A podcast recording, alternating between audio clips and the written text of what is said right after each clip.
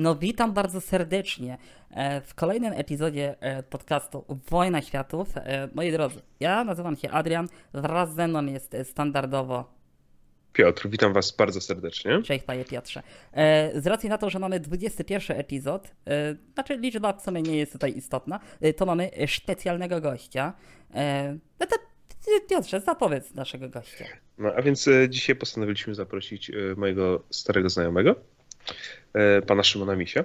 Kolesiostwo, kolesiostwo. Mhm. kolesiostwo witam, tak. witam bardzo serdecznie, witam, witam. Cześć Szymon. E, Szymon, żebyśmy e, uściślili, uściślili na samym początku. E, ty zajmujesz się polityką. Tak, zajmuję się polityką.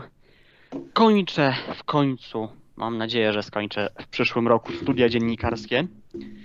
Także też no gdzieś też już w mediach robię, no i mam swój kanał YouTube'owy, no i też podcast, także e, Link do Szymona będziecie mieli w opisie. No wiadomo, na Spotify no to, ale na YouTube będziecie mogli sobie e, przeklikać. No i z racji na to, że Szymon interesuje się polityką, e, no to no nie mogliśmy jakby ominąć tego tematu, czyli wojny na Ukrainie. Chociaż widziałem ostatnio, że ludzie bardzo się oburzają, że się mówi wojna na Ukrainie. Powinno się mówić wojna w Ukrainie, więc niechaj tak będzie.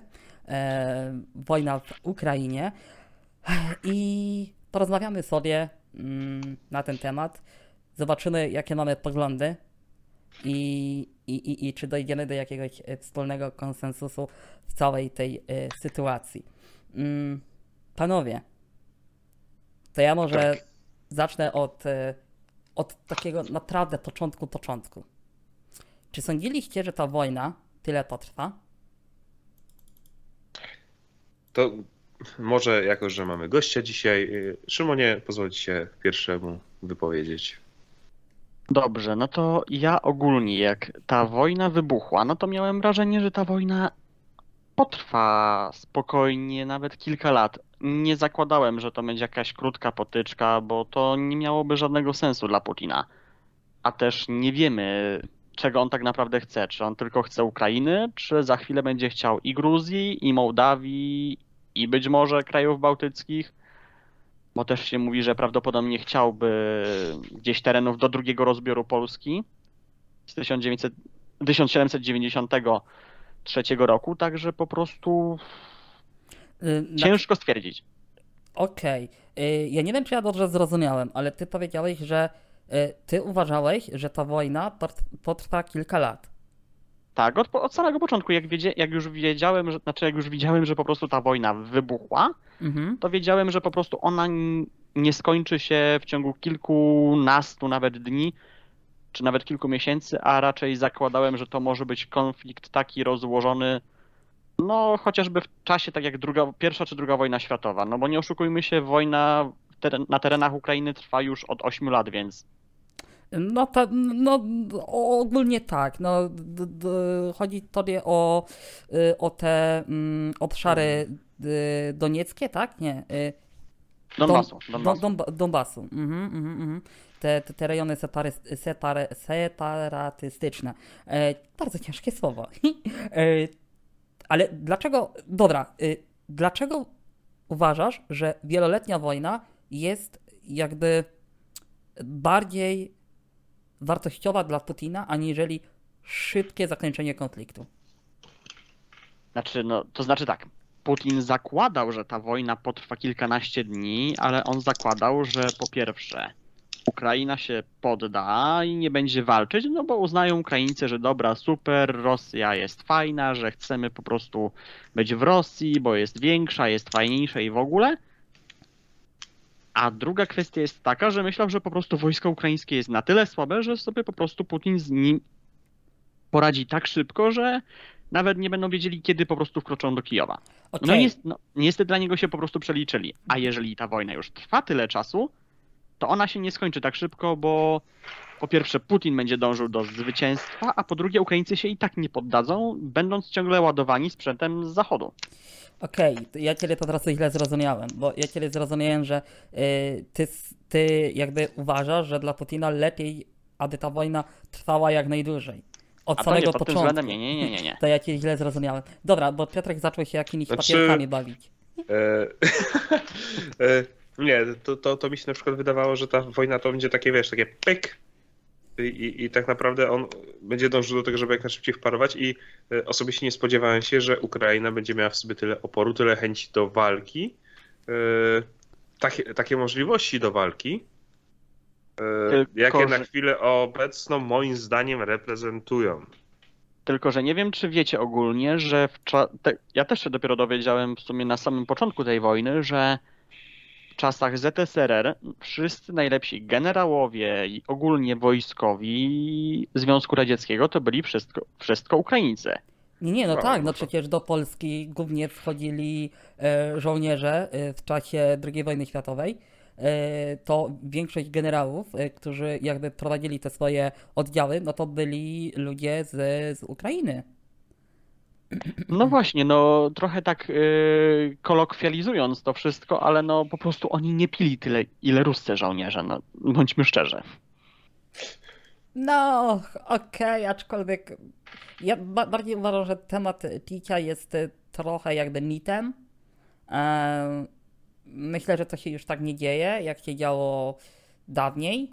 No ale, ale Teraz raczej są pokłosia, podejrzewam, bo też się mówi często o tych żołnierzach rosyjskich, którzy są wysyłani na front, tych młodych, że oni mają po prostu zespół ten poalkoholowy, po prostu, że ich, ma ich matki piły w czasie ciąży. No nie, Eee. oni są teraz są ta tacy, jacy są. Tak zwany faz. Tak jest. Tak, y, nieprawidłowo rozwinięte niektóre części mózgu bodajże, nie tylko mózgu, ale również motoryka ze względu na spożywanie alkoholu w trakcie ciąży. Dokładnie. No i po prostu są to tacy ludzie, no i też dlatego nie za bardzo kumają, no i strzelają po prostu na przykład do Do, figurek do czołgów. siebie. Albo do, Albo siebie. do siebie. Albo wjeżdżają czołgiem na drewniany most. Tak jest. Co może pójść nie tak? Mm, Znaczy, y, generalnie Ros Rosja mi się wydaje takim krajem, gdzie ludzie nie do końca wiedzą, co jest grane do końca. I nie mówię tu o propagandzie, tylko ogólnie, że jak myślę o Rosji, nie wiem, czy wy też tak macie, y, to ja widzę kogoś, kto nie jest tak roztargnięty jak na przykład typowy Europejczyk czy Polak. Nie, ja tak nie mam. Wydaje mi się, że Rosjanie są e, przerażeni tym, jakie konsekwencje poniosą za, za wyrażenie swojej opinii. Znaczy, Tak. ja, tu, ja tu nie mówię tylko w sferze właśnie aktualnie trwającego konfliktu, ale... Nie, ja mówię ogólnie. Ja mówię ogólnie. Ja, ja też mówię ogólnie, no bo nie, e, to, że się komuś sprzeciwisz, nie musi. Nie, no, ja- inaczej. To, że coś zrobisz i zrobisz to mądrze, nie musi od razu oznaczać, że się komuś sprzeciwisz. Tak? Oczywiście, Rozumiesz? że tak. E, tak, tak, tak, tak, ja cię rozumiem. I po prostu y, to, że oni nie robią czegoś logicznie, w jakiś w miarę logiczny, mądry sposób, nie musi mieć nic wspólnego z tym, że boją się tego, kto aktualnie Rosją rządzi i będzie rządzić i, i, i co go czeka, jeżeli będzie miał odmienne zdanie i będzie to zdanie wygłaszać. Swoje odmienne. Ja, jak zwykle się z tobą nie zgodzę. Myślę, że, że strach jest e, bardzo, bardzo silnym jakby narzędziem do zamykania gęby. E, I Ale no, ja tu nie mówię o gębie, ja tu nie mówię o tym, co mówisz, o tym, że wyrażasz swoją opinię, że coś ci nie pasuje, tylko to, co robisz. ale robisz. Ja mówię tu ogólnie, nie, nie, chodzi mi tu, nie chodzi mi tu typowo o strajki jakieś coś, tylko na przykład, nie wiem, załóżmy to gotowanie, jakieś takie przyziemne czynności, czy załatwianie jakichś takich przyziemnych spraw.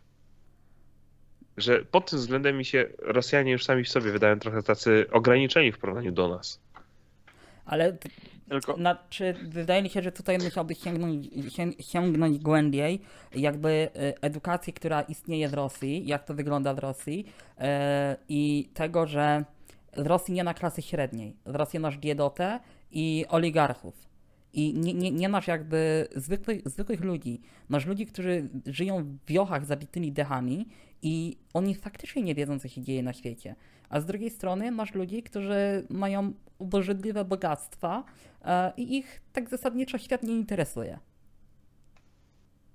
I też nie zapominajmy o kulturze rosyjskiej, która jest naprawdę na wysokim poziomie od setek lat, więc to, że Rosja w jakimś stopniu odbiega w ten sposób, to jest tak jak właśnie Adrian powiedział, to wynika też właśnie z tego z rozwarstwienia. Tam nie ma klasy średniej, co nie oznacza, że naprawdę ta część bogata, która nie jest jakby tak oczadzona tym, że chcą władzy, robi dla Rosji dobre rzeczy i ogólnie dla świata, bo mówię, no przecież i wszyscy, jacyś tam, nie wiem, czy wirtuozi muzyki, czy pisarze, czy po prostu no nie, sportowcy chociażby, bo przecież czy to balet rosyjski na wysokim poziomie stoi, czy też na Igrzyskach Olimpijskich to było wydać, co prawda wiadomo, oczywiście tam też były kwestie dopingu tej młodej dziewczyny, ale sam fakt, że łyżwiarstwo figurowe stoi na ogromnie wysokim poziomie, czy też no, są inne sporty oczywiście, w których Rosja gdzieś tam dominuje.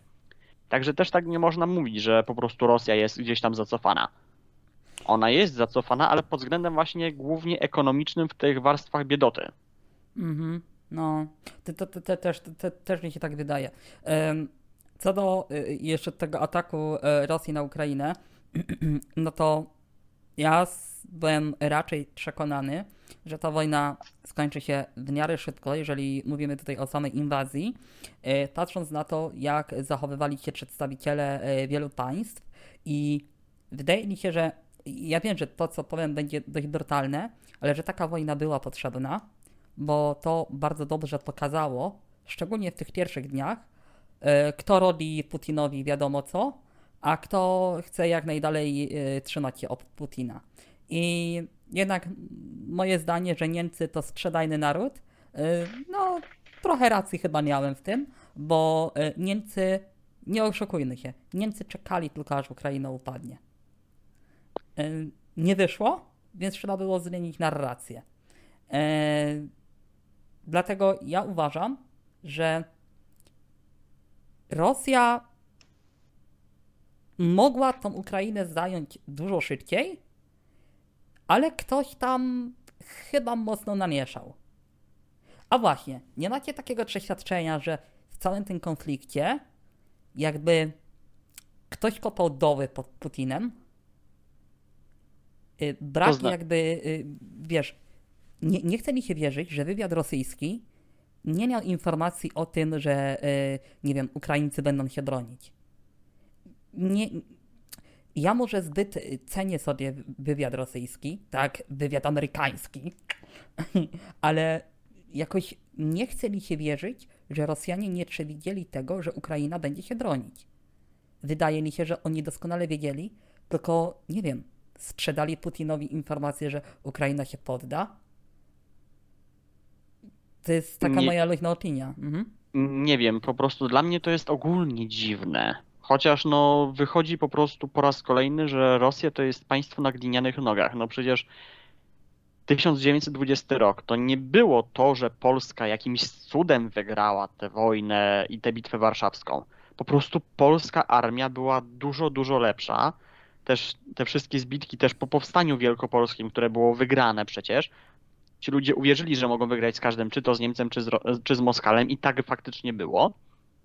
A też druga kwestia dla mnie było zatrważające to, że po pierwsze, wszyscy ci tam żołnierze czy dowódcy z Czeczeni podobno komunikowali się za pomocą bodajże chyba albo w kontakcie, albo Facebooka i nagrań głosowych na Messengerze, przez co Amerykanie mieli tak łatwy i banalny dostęp do tych materiałów i do tych wszystkich planów. Dlatego też wiedzieli o ataku 20, w okolicach 24 lutego wcześniej, bo po prostu przechwycili te wszystkie nagrania z publicznych komunikatorów.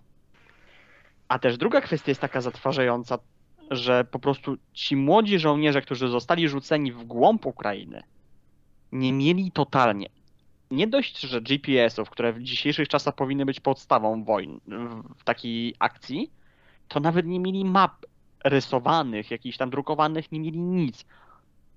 Znaczy, można się spierać co do tego, czy ci młodzi wiedzieli, że są w Ukrainie, czy nie wiedzieli, czy myśleli, że są Białor na Białorusi, że tam walczą, ćwiczą, cokolwiek. Z tym można się spierać, ale to, że oni byli w tym totalnie nieprzygotowani i faktycznie nie wiedzieli dokładnie, jakim miejscu Ukrainy są i jak mają atakować, to już bym uwierzył, bo faktycznie Rosjanie nie mieli dosłownie żadnych, ale to żadnych po prostu jakby planów, mimo że podobno przecież też wyciekły dane, że ta wojna miała się skończyć 6 marca. W jednym z tych ich taktycznych planów, że do 6 marca już miał być zainstalowany nowy rząd w Ukrainie, prawdopodobnie e, ponownie Janukowycza. Więc po prostu dla mnie albo faktycznie jest tam jakiś kret, mówi się o, Szoj, o Szojgu, że chciałby przejąć władzę po Putinie, chociaż też nie wszyscy generałowie są za tym, bo podobno Szojgu jest jeszcze bardziej nienormalny od Putina, albo ktoś tam jeszcze inny wśród generałów czy oligarchów rosyjskich gdzieś tam próbuje zrobić zamach na Putina i po prostu zrobił taką akcję. Naprawdę to jest ciężkie do wyjaśnienia, ale wydaje mi się, że to tak czy siak gdzieś tkwi w głąb Rosji. Mhm. Piotrek? Myślę, że Szymon bardzo ładnie to ujął. E, Dziękuję. Bo faktycznie to jest takie nieco zastanawiające, jak to wygląda.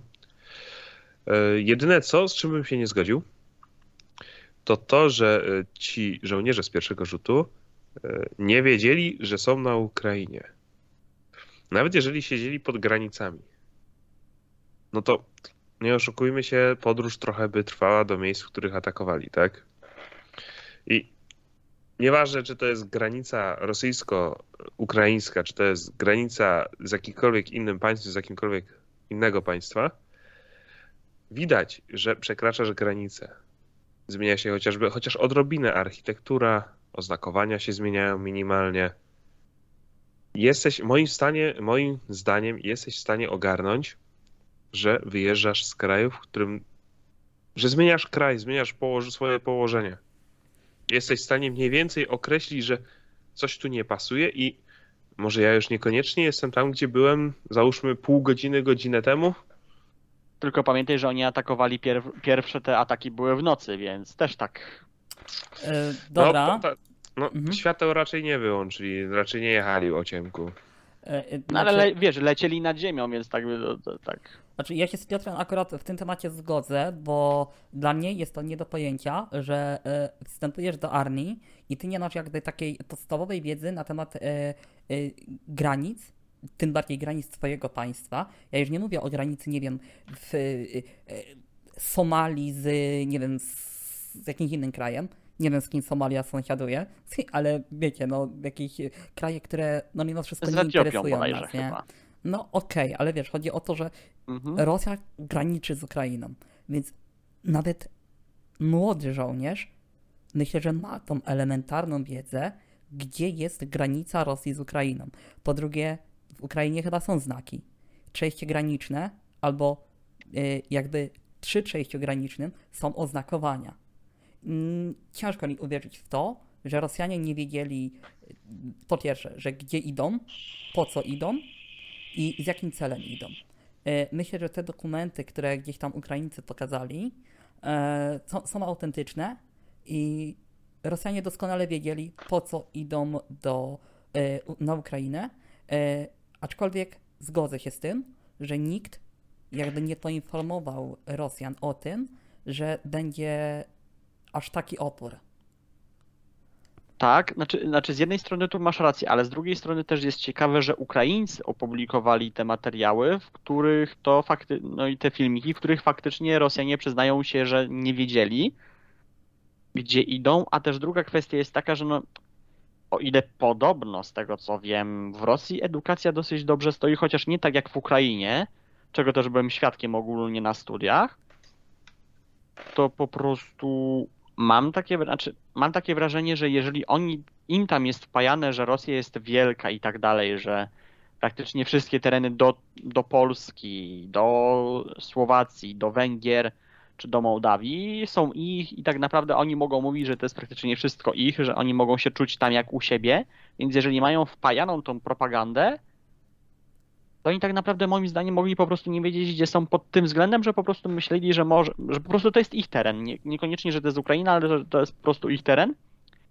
nie mogli zająć. I mówię, tutaj nie bronię w, w żadnym razie Rosjan e, w tej kwestii, ale po prostu mam takie wrażenie, że no ktoś tam coś próbował wykombinować, ale się to im nie udało. Mm, Panowie, czekajcie sekundkę, bo tak, e, ten, bo mi zniknął Audacity, nawet nie wiem jakim cudem się mi wyłączyło samo z siebie.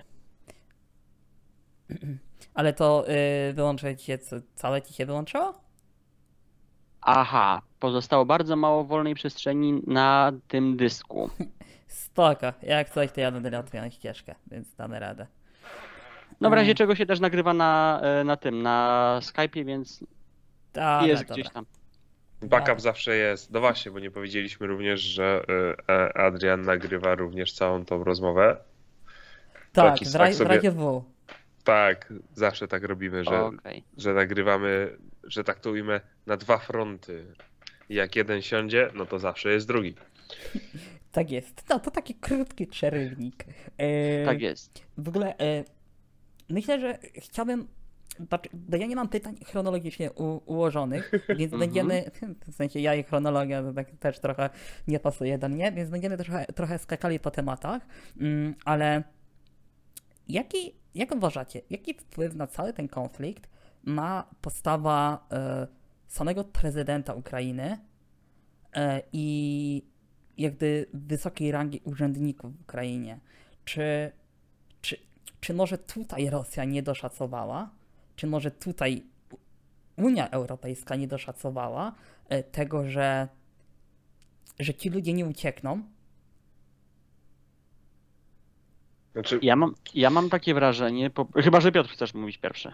Znaczy, wiesz co, bo ja raczej się za, za bardzo się nie wypowiem. Nie, nie wiem, czy to raczej moja długa wypowiedź, e, ale mm, w tej kwestii jedyne co daje to, że e, na pewno było to zaskoczenie, że oni nie pouciekali.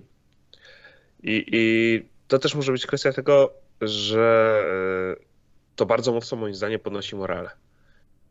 Że on wrzucał te, te, te na początku te całego tego konfliktu, że te, te filmy, że dalej jestem tutaj, w ogóle z, z, w towarzystwie e, swoich e, współpracowników tak naprawdę, że nie- nie, nie zawinęli się, nie uciekli zaraz, tylko dalej siedzą, działają, operują tak naprawdę z, dalej z miejsca, w którym dopiero co byli, w którym byli, ten, ten cały konflikt się zaczął.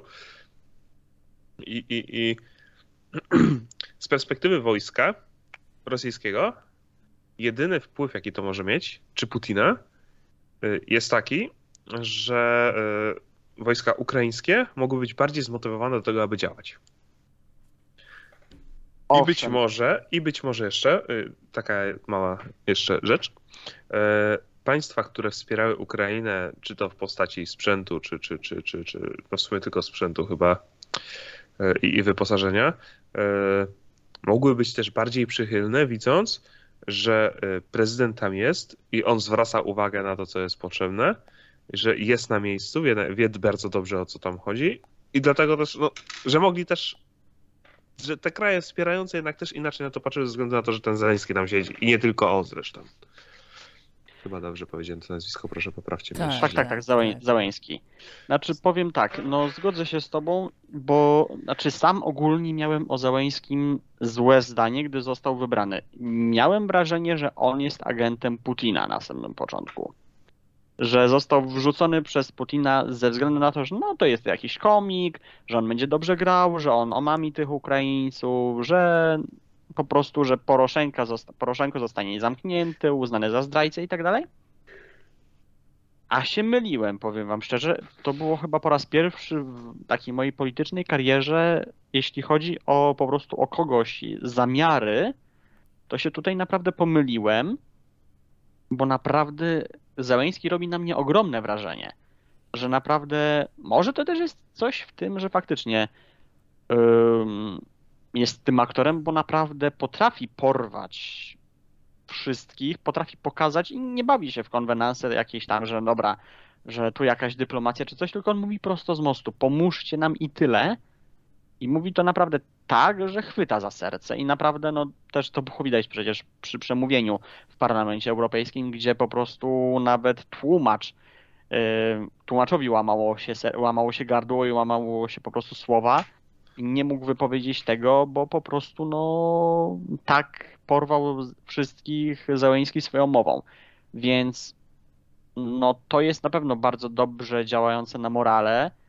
Też w porównaniu z tym, jak jeszcze na samym początku wojny Putin praktycznie codziennie wygłaszał jakieś orędzia do Rosjan, czy ogólnie do świata, no bo dobrze wiedział, że gdzieś tam to będzie publikowane, a teraz się zaszył i od dobrego, no myślę, że tak już no, prawie dwa tygodnie, no tak z półtora tygodnia już go nie słychać gdzieś tam w jakichś tak Mm. przemówieniach, nawet w rosyjskiej telewizji, z tego co wiem. Rzadko kiedy się już wypowiada. Tak nie wiem, fak- czy widziałeś to nagranie e, Putina, e, gdzie była ogólnie o to, jakby, może nie drama, ale takie spięcie, e, że ręka, jakby ręka przenikła, przeni- przenikała przez mikrofon. Jakby został Putin doklejony, bądź otoczenie zostało doklejone przy jego, wy, y, przy jego jakby wystąpieniu. To było dosłownie parę dni temu. E, I później Załęcki wygłaszał e, jakby orędzie do narodu i zastosował bardzo fajny zabieg, bo chwycił za mikrofon i, i- i jakby zakomunikował ludziom, że hej, zobaczcie, tutaj nic nie jest doklejone, nie? Ja jestem prawdziwy i to, co jest za mną, też jest prawdziwe.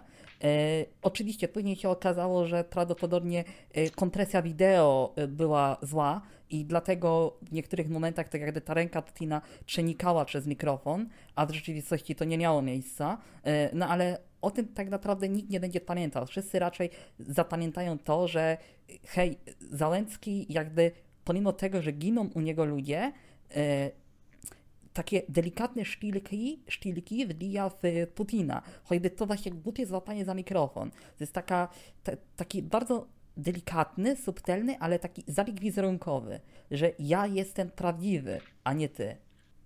Albo to ostatnie wideo, gdzie bodajże nagrywał telefonem i on się po prostu przechadzał po tym e, budynku, w którym się aktualnie znajduje. Był najpierw przy oknie, potem sobie gdzieś tam poszedł do biurka, tak, że pokazał, że patrzcie, to nie green screen, ja chodzę, faktycznie tu jestem.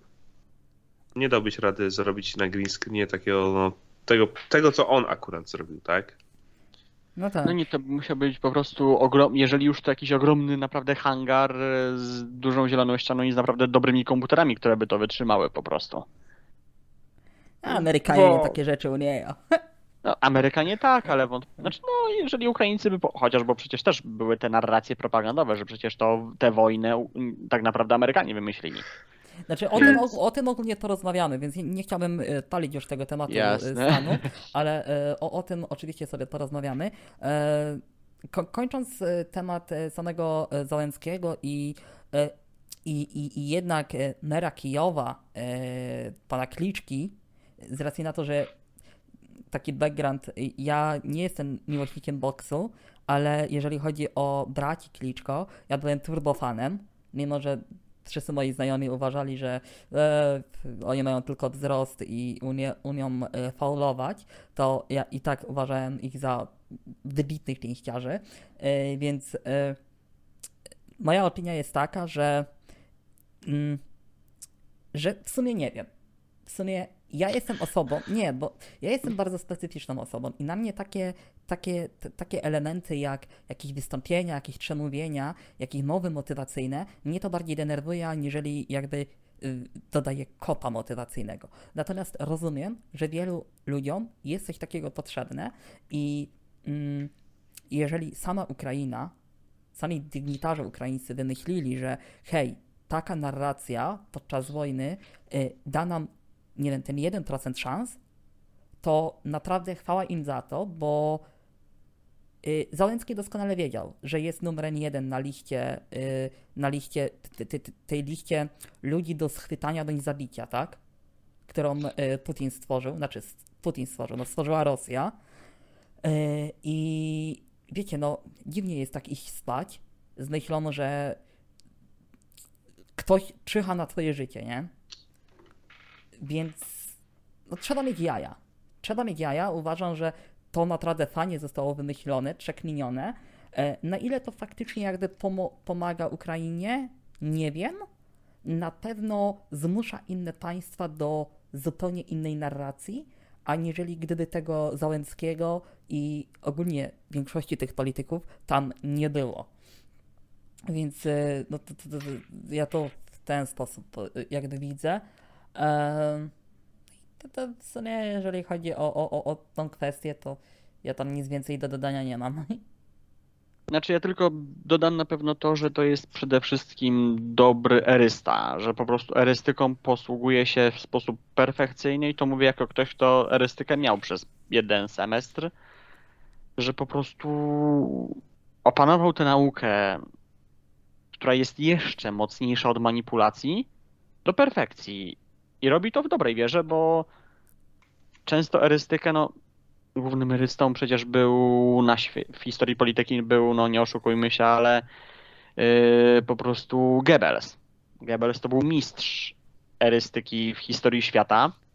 A to ogólnie jest ciekawy temat, w sensie zaraz dokończysz, ale to jest mega ciekawy temat, bo ja bym kiedyś w ogóle nagrał taki podcast o, o, o, o systemie nazistów, bo Co? w sensie, nie, nie, I, i, i, Ale- wydaje mi się, że źle odbierasz to. E, No ja to- totalnie nie popieram nazizmu, żeby nie było, natomiast trzeba im oddać, że jakby całą tą machinę polityczną oni wynieśli na zupełnie inny level w pewnym momencie. Naziści, nie oszukujmy się, naziści stworzyli współczesną politykę. I taka Trochę jest prawda. I, Tak, trochę i tak. No. to, to trzeba po prostu zaznaczyć, że tak naprawdę to, co później się działo w polityce, z czego też korzystali Amerykanie, co trzeba zaznaczyć, ale w dobrej wierze, bo oni to robili jednak w taki sposób, że jednak jakby od, odczarowywali po prostu to wszystko. W przeciwieństwie chociażby właśnie do Rosji, która dopiero za czasów Putina nauczyła się tej techniki, chociaż i tak nie do końca co widać, bo przecież to jak czy Amerykanie, czy nawet Ukraińcy rozegrali Putina jeszcze przed wybuchem wojny, to moim zdaniem już wtedy, moim zdaniem, Putin mógł sobie zdawać sprawę, mam wrażenie, że chyba tę wojnę może przegrać. Bo to też, to też trzeba zaznaczyć, bo mam wrażenie, że po prostu to, że Putin chciał zaskoczyć tą wojną i faktycznie zaskoczył, że zaatakował cały teren praktycznie Ukrainy, chociaż tak naprawdę udało mu się, od, mu się odbić tylko mały skrawek Ukrainy, to mimo wszystko mam wrażenie, że Putin chyba się wściekł za to, że on zaczął przegrywać wojnę informacyjną na świecie. I, i, I z Amerykanami, i z Ukrainą, więc po prostu może gdzieś tutaj tkwi ten problem Putina, jeżeli można to tak nazwać. No, ja właśnie chciałem was zapytać, ja- jak wy szacujecie, jakie szanse na dzisiaj, na, na czwartek, który dzisiaj jest? Dziesiąty. Dziesiąty. 10, na 10, na 10 marca. Wasze zdanie, jaka, jakie szanse ma Ukraina na obronienie się, na wyparcie Rosjan?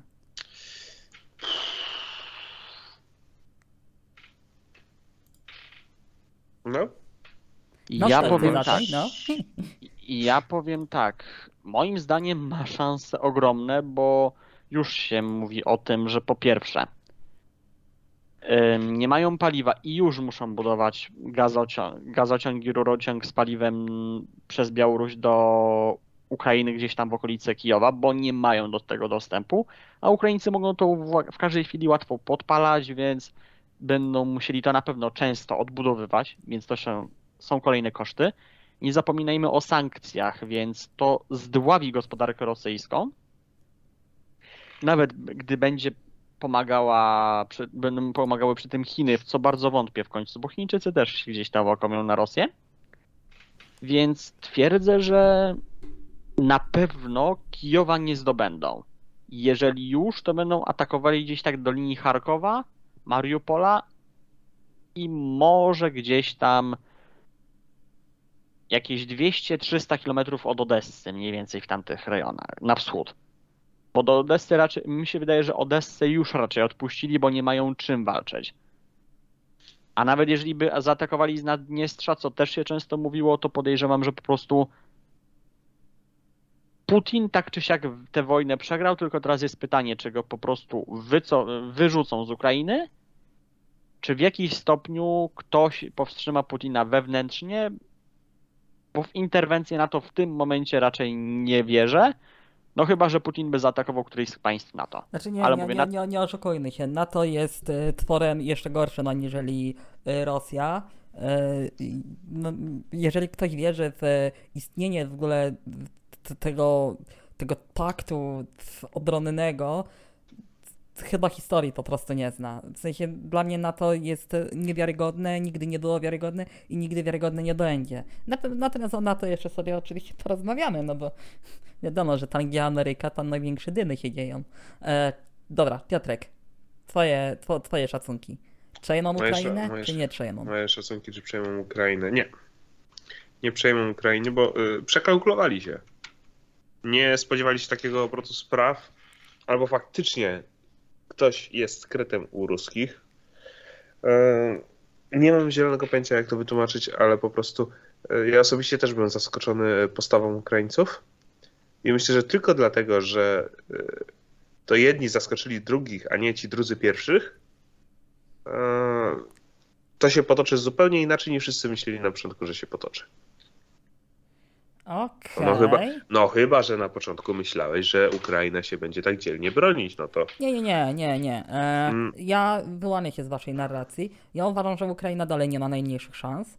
E, I jeszcze bardziej przekonuje mnie do tego, że. no masz, no tu ci y, przyznam na razie, na razie ci przyznam rację, y, bo faktycznie y, nie oszukujmy się, wojna to nie tylko działania konwencjonalne, działania zbrojne, y, to również jest dezinformacja.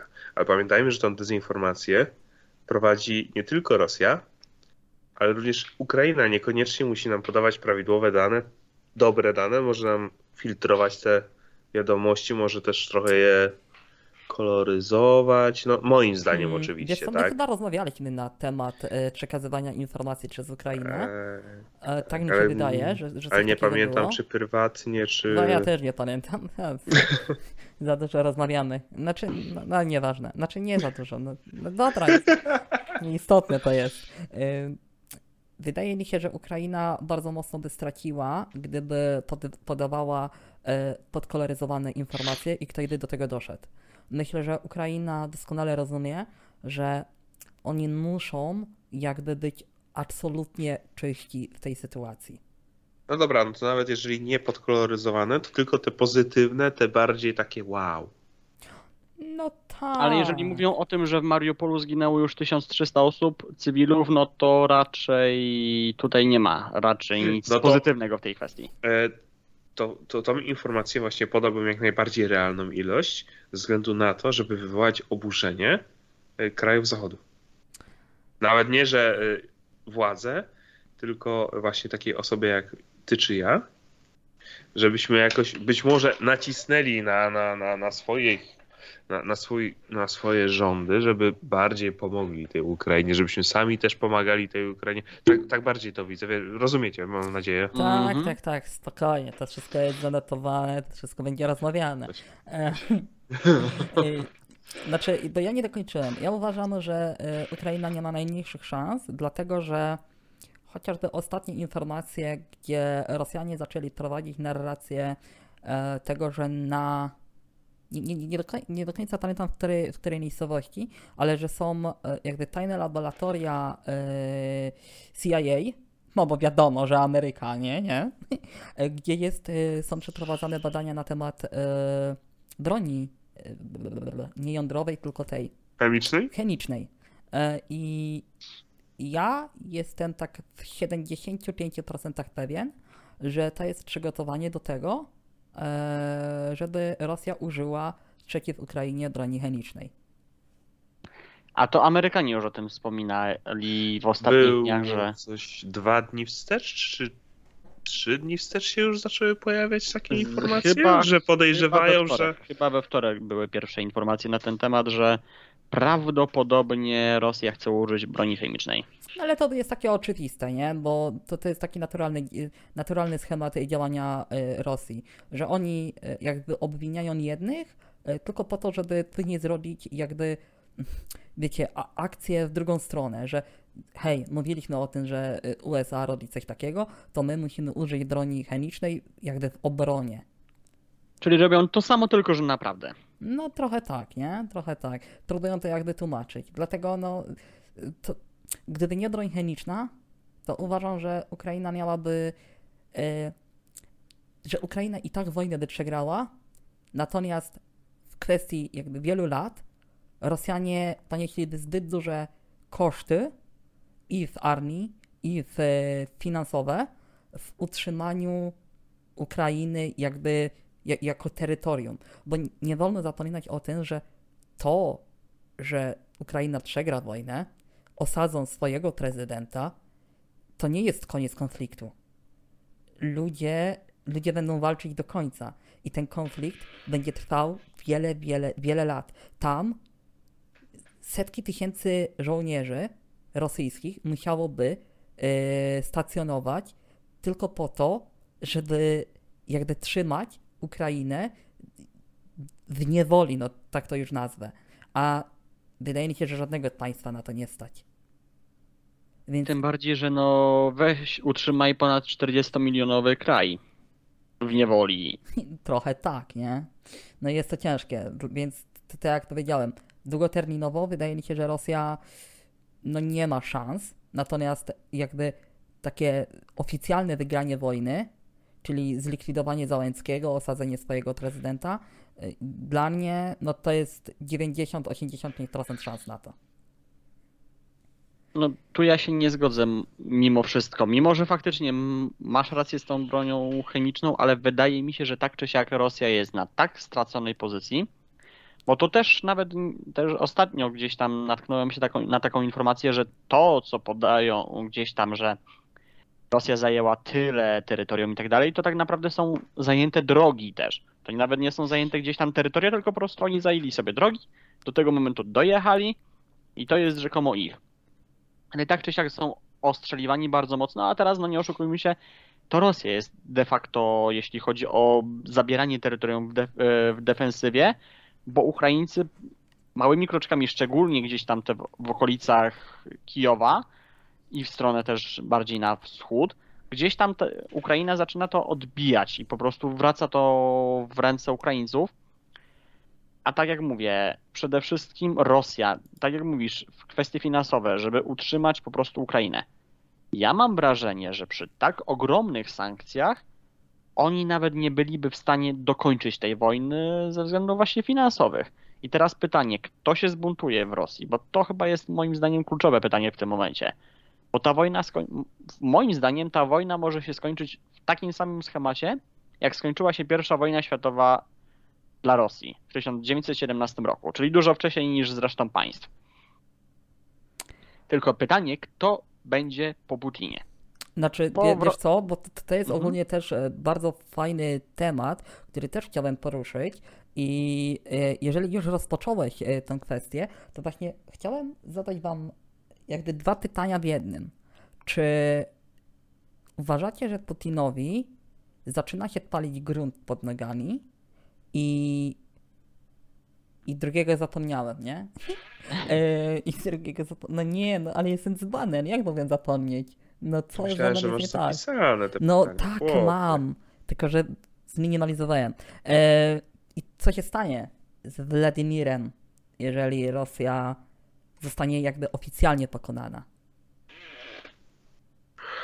Hmm. Piotrze? Bardzo dobra, odpi- bardzo dobra odpowiedź. Przepraszam. Podoba mi się. Em, a co by się miało według ciebie stać? E, Co? Nie, nie, nie rozumiem trochę tego pytania, no bo Ym, dobra. to jest kwestia tego, kwestia tego. Mam wrażenie, że, mam wrażenie, że chyba Adrianowi chodzi o to, czy ktoś go urżnie, czy sam Strąci. się zabije. Tak, no dobra, to ja może, to, to, to może i No ja to trochę, we, ten we, temat. weź to trochę rozwiń, bo tak He, kurczę, no. Rosja działa bardzo specyficznie, nie jak demokratyczne państwo, kto by się spodziewał. E, Jeżeli Rosja przegra tą wojnę, e, to jak historia pokazuje, e, przegrani nie mają racji, ży- nie mają racji, racji bytu, racji życia. E, I ja uważam, że jeżeli Rosja dalej będzie męczyć się z Ukrainą, e, to jest to tak wielki cios jakby w tą historię armii rosyjskiej, że trzeba będzie znaleźć kozła ofiarnego. Kozłem ofiarnym będzie jakby twarz całej tej operacji, czyli Putin. Sądzę, że Putin od paru dni tak naprawdę walczy o swoje życie, e, bo ma świadomość tego, że zostanie zlikwidowany i podejrzewam, że już w tym momencie e, jakby są przygotowywane scenariusze e, pozbycia się Putina, bo ewidentnie wojna wielkiemu mocarstwu nie wychodzi. I ktoś za to poniesie konsekwencje, ale wątpię, że to będzie jakiś generał, e, no bo generałów w Rosji raczej się nie zna. Konsekwencje poniesie ten, kto jest twarzą całego tego konfliktu. I dlatego zadałem to pytanie, czy uważacie, że no, Putin zostanie zlikwidowany? Po prostu. Znaczy. Czy zostanie zlikwidowany? Zlikwidowany być może zostanie, ale wydaje mi się, że to będzie przedstawione w taki sposób. Trzeba będzie jakoś jeszcze w narrację wpleść, tak? Nie, nie, no to słuchaj, to, że wiadomo, y, że media podadzą, iż umarł z powodu y, choroby, czy ze starości, mimo że ma tam 70 lat, y, to, to jest naturalne, ale chodzi mi o to, czy sami wierzycie w scenariusz taki, że Putin za tydzień może już na przykład nie żyć. Za tydzień? Za tydzień za szybko mi się wydaje. Tak. Pełna zgoda, że za tydzień to jest niemożliwe, ale podejrzewam, że podejrzewam, że w perspektywie roku albo dwóch Do końca tego roku. aż tak idziesz. Okej, ja tam stawiam, że koniec 23, koniec 24 roku mniej więcej w takim albo prawdopodobnie marzec, bo oczywiście w marcu wszystko się w Rosji dzieje i każdy umiera w marcu. Ale w każdym razie, no moim zdaniem Putin nie, po, Putin nie pójdzie drogą Hitlera, to jest moim zdaniem raczej pewne, ale też Znaczy, się często, Tak też się często trochę. mówi. No, mo, możesz Mogę? powiedzieć. E, To, czy pójdzie drogą Hitlera, zależy tak naprawdę, czy się dowie, czy, czy coś jest na niego planowane, jeżeli e, ta mm, inwazja się nie powiedzie, bo e, musi Albo czy się właśnie dowie, że się ona nie powiodła. Bo to też tak może być, że mogą Tak, bo e, pamiętaj, pamiętaj, że tego typu e, czyny e, to jest też często gęsto. To nie jest planowana akcja. To są też. Wynikają one też z impulsu. Oczywiście. Także on nawet, on sobie może nawet w tym momencie nie zdawać sprawy, że takie coś może nastąpić, tylko po prostu usłyszy, załóżmy, że Ukraina się obroniła, nie daliśmy rady. I on będzie miał świadomość tego, co powiedział Adrian, że y, on jest twarzą całej tej y, inwazji i, i stwierdzi, że jedyne, co mu pozostanie, siedzi przy swoim biurku, otworzy szufladę, Ja się z tobą absolutnie nie zgodzę. Uważam, że ludzie lekceważą Putina, a on. y, stary, to, to jest tak. Jeżeli my wiemy, jak działa machina rosyjska, to nie oszukujmy się, Putin wie o tym jeszcze lepiej. Nie, nie, ja naprawdę nie wierzę w to, że on nie zdaje sobie sprawy z tego, że jego, jakby, jego życie zależy od tej wojny. Oczywiście, nie, tu się zgodzę z Adrianem pod tym względem i też mam takie wrażenie, bo też tak jak mówię, były informacje, tylko teraz nie pamiętam skąd one wyciekły, czy bezpośrednio z Rosji, czy, czy gdzieś indziej.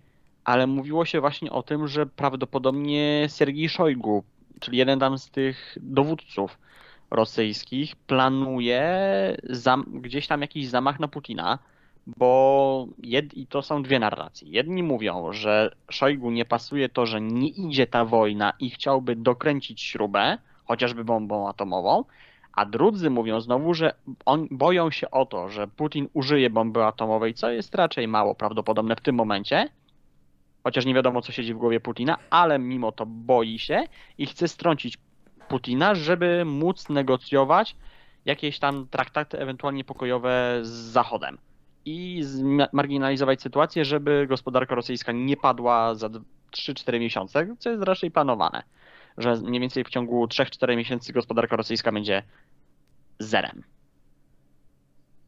Mm, Piotrek? no już się wypowiedziałem. Okej. Ym, E, Znaczy, nie wiem, czy ty mnie do końca zrozumiałeś.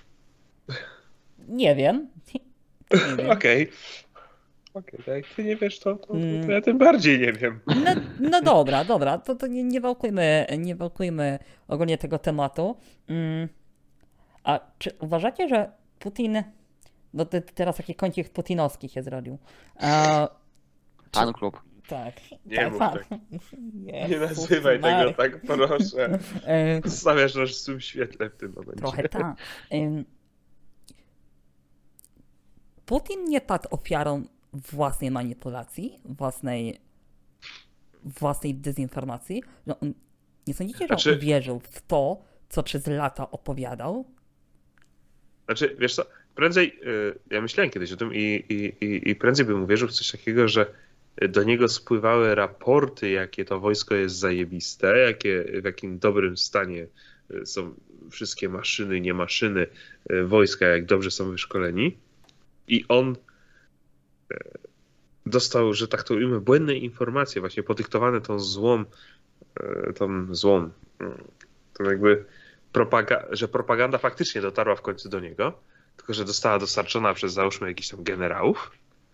I, I dlatego on sobie zaplanował tak, ale wyszło inaczej, bo na raporcie wszystko wyglądało pięknie, bo papier przyjmie wszystko, a w praktyce wyszło jak wyszło.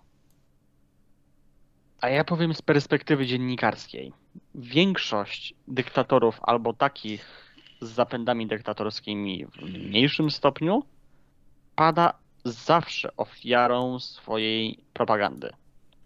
Zawsze zaczyna w nią wierzyć. A gdy zaczyna w nią wierzyć, zaczyna też przegrywać.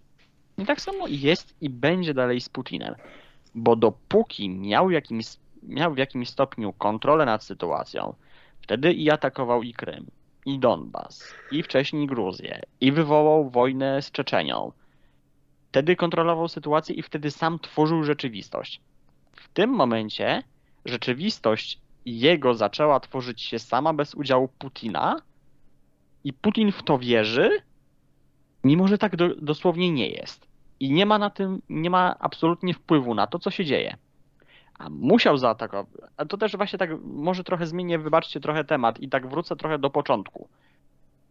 Putin musiał zaatakować, żeby po pierwsze, Ukrainę, żeby po pierwsze zaspokoić swoje potrzeby i swoje pragnienia tego i swoje urojenia, że coś się dzieje, że musi to zrobić, bo go obalą, mimo że atakując i tak go obalą, bo Rosja tego nie ma już w tym momencie szans gdzieś tam w jakimś stopniu długoterminowym wygrać, co już powiedzieliśmy. A z drugiej strony, gdyby nie zaatakował, on sobie pomyślał, że Zachód będzie miał go za frajera. I tak go już ma, no nie oszukujmy się dlaczego, za zbrodniarza wojennego i na równi z Putinem i Stalinem, yy, fu, z Hitlerem i Stalinem, to po prostu wpadł we własną pułapkę nie dość, że manipulacji i swojej propagandy, to jeszcze dyplomacji i spraw wewnętrznych. Że on już jest w takiej ciemnej D, że po prostu w tym momencie tak naprawdę nie ma on dobrego wyjścia. I jeżeli sobie zdaje z tego sprawę, jak skończy, to myślę, że chyba odlicza już miesiące albo lata, bo inaczej tego nie widzę.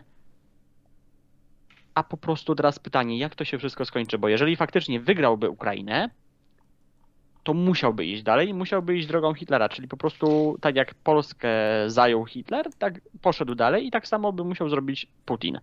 Musiałby w końcu zaatakować albo Mołdawię, albo Gruzję, albo któreś z państw NATO.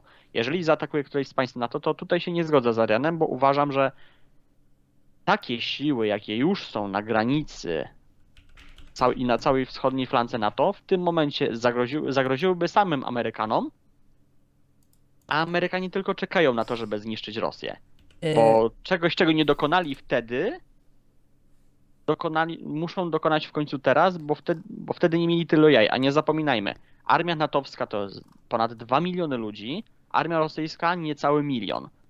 I Putin sobie myślę, że, znaczy nie wiem, czy sobie zdaje z tego sprawę, ale w każdym aspekcie po prostu z NATO przegrywa. Wierzysz Amerykanom?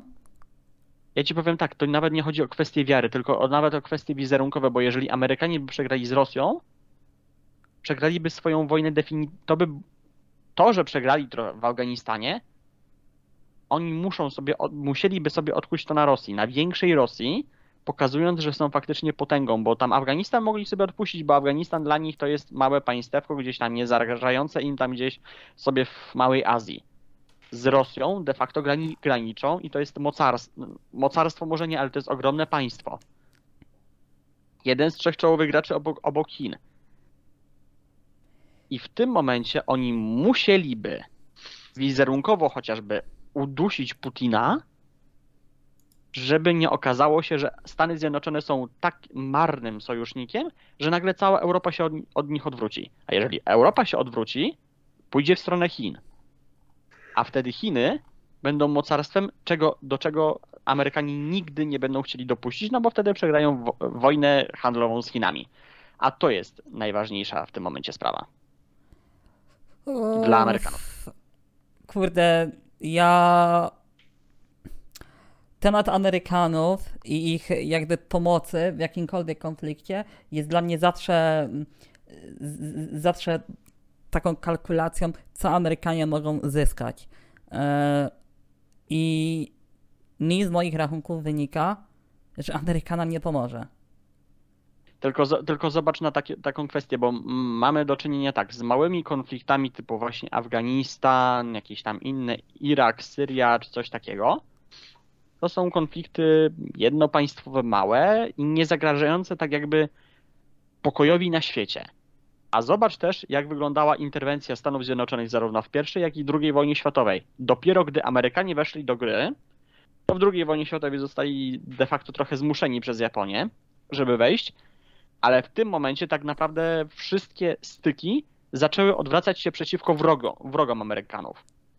I tak samo moim zdaniem może być też tutaj, bo to jest gra o zbyt dużą stawkę w tym momencie dla Amerykanów, żeby oni to przegrali. Bo tak jak mówię, te mniejsze konflikty oni mogą sobie przegrać, piszą to w koszta. Tutaj gra idzie nie tylko o Rosję, ale i o Chiny.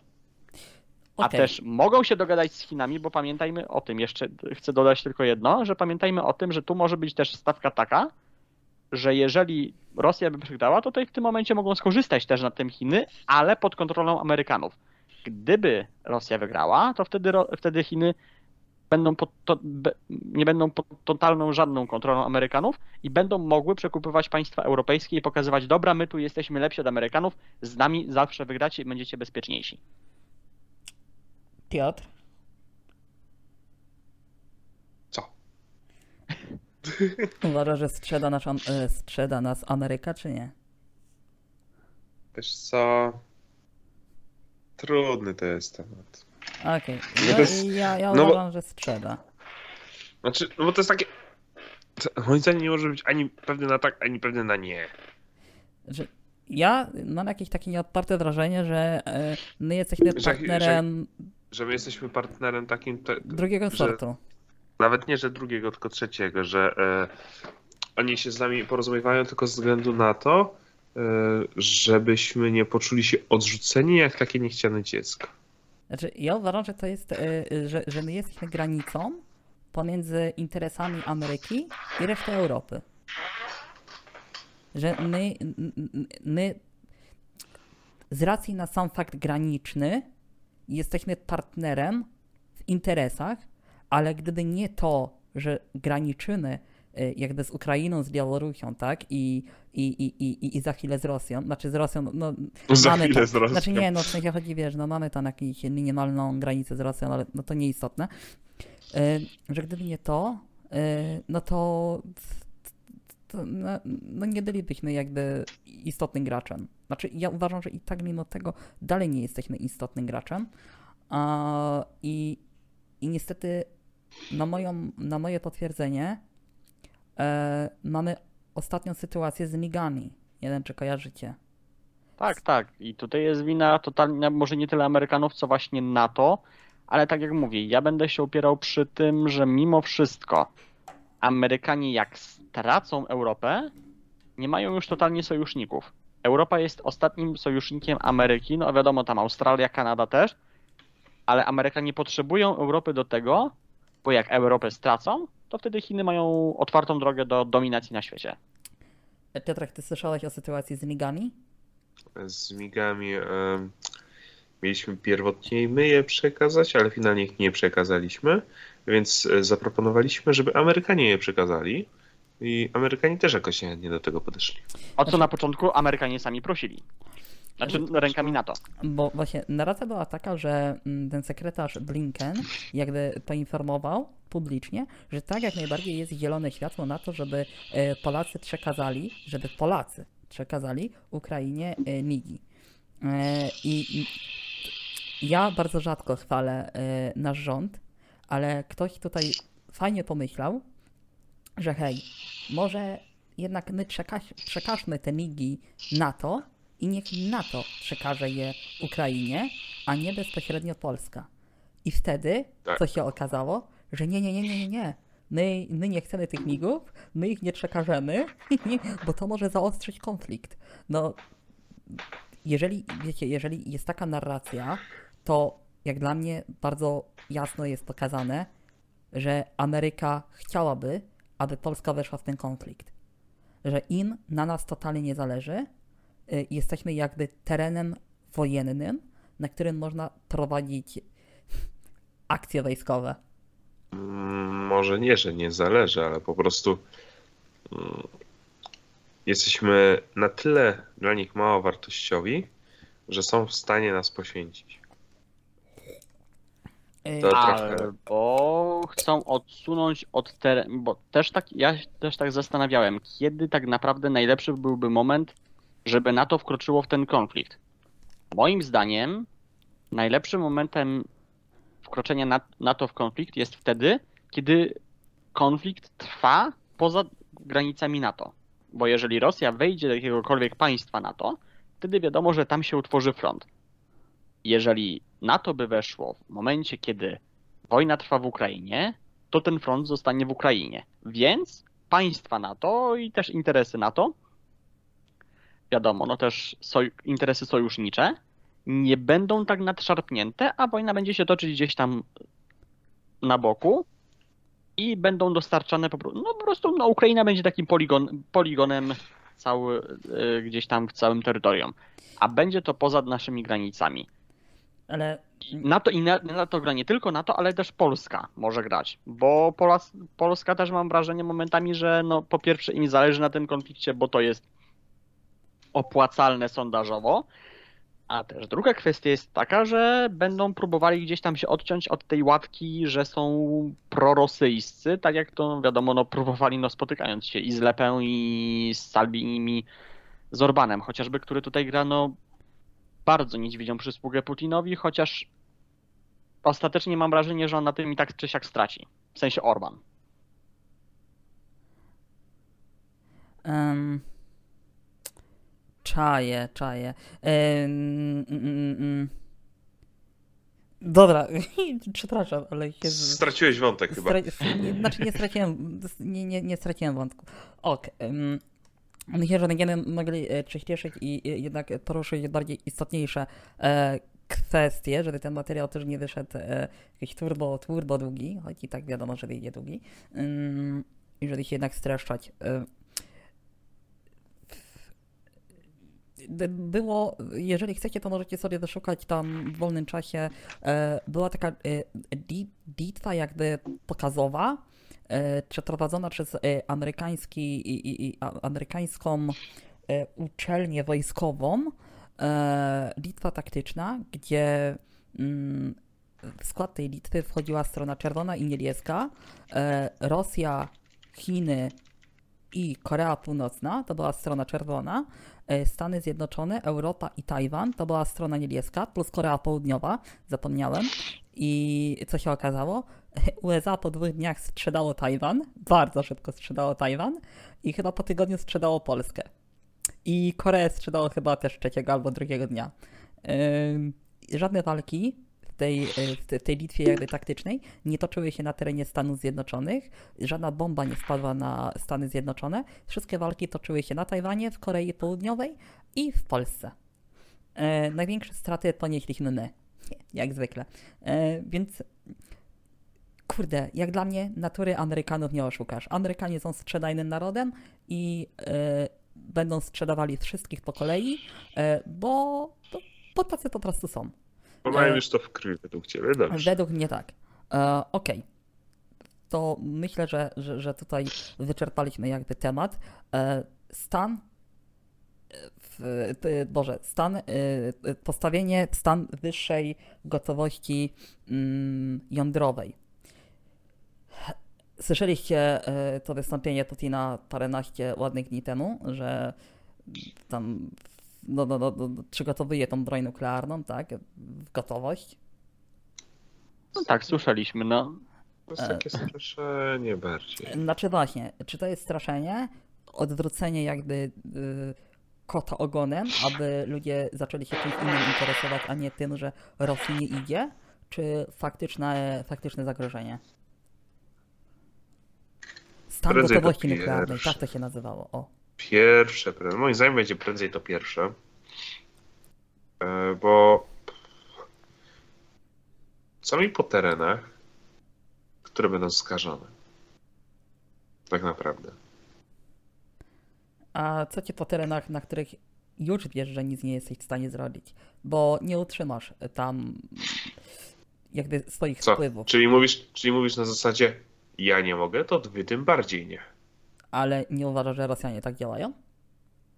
No w sumie wcale by mnie to nie zaskoczyło. Tylko mm, skutki bomby atomowej odczują nie tylko Ukraińcy. No. No właśnie. Chociaż też zależy, jaki to byłby ładunek, ale wydaje mi się, że raczej wątpię, żeby konstruowali specjalnie jakiś nowy. I, i, i ja na miejscu Putina bym się bał reakcji po prostu osób, Co, które. Na to? No, NATO, no. Może nie tyle NATO. No, kurczę, no.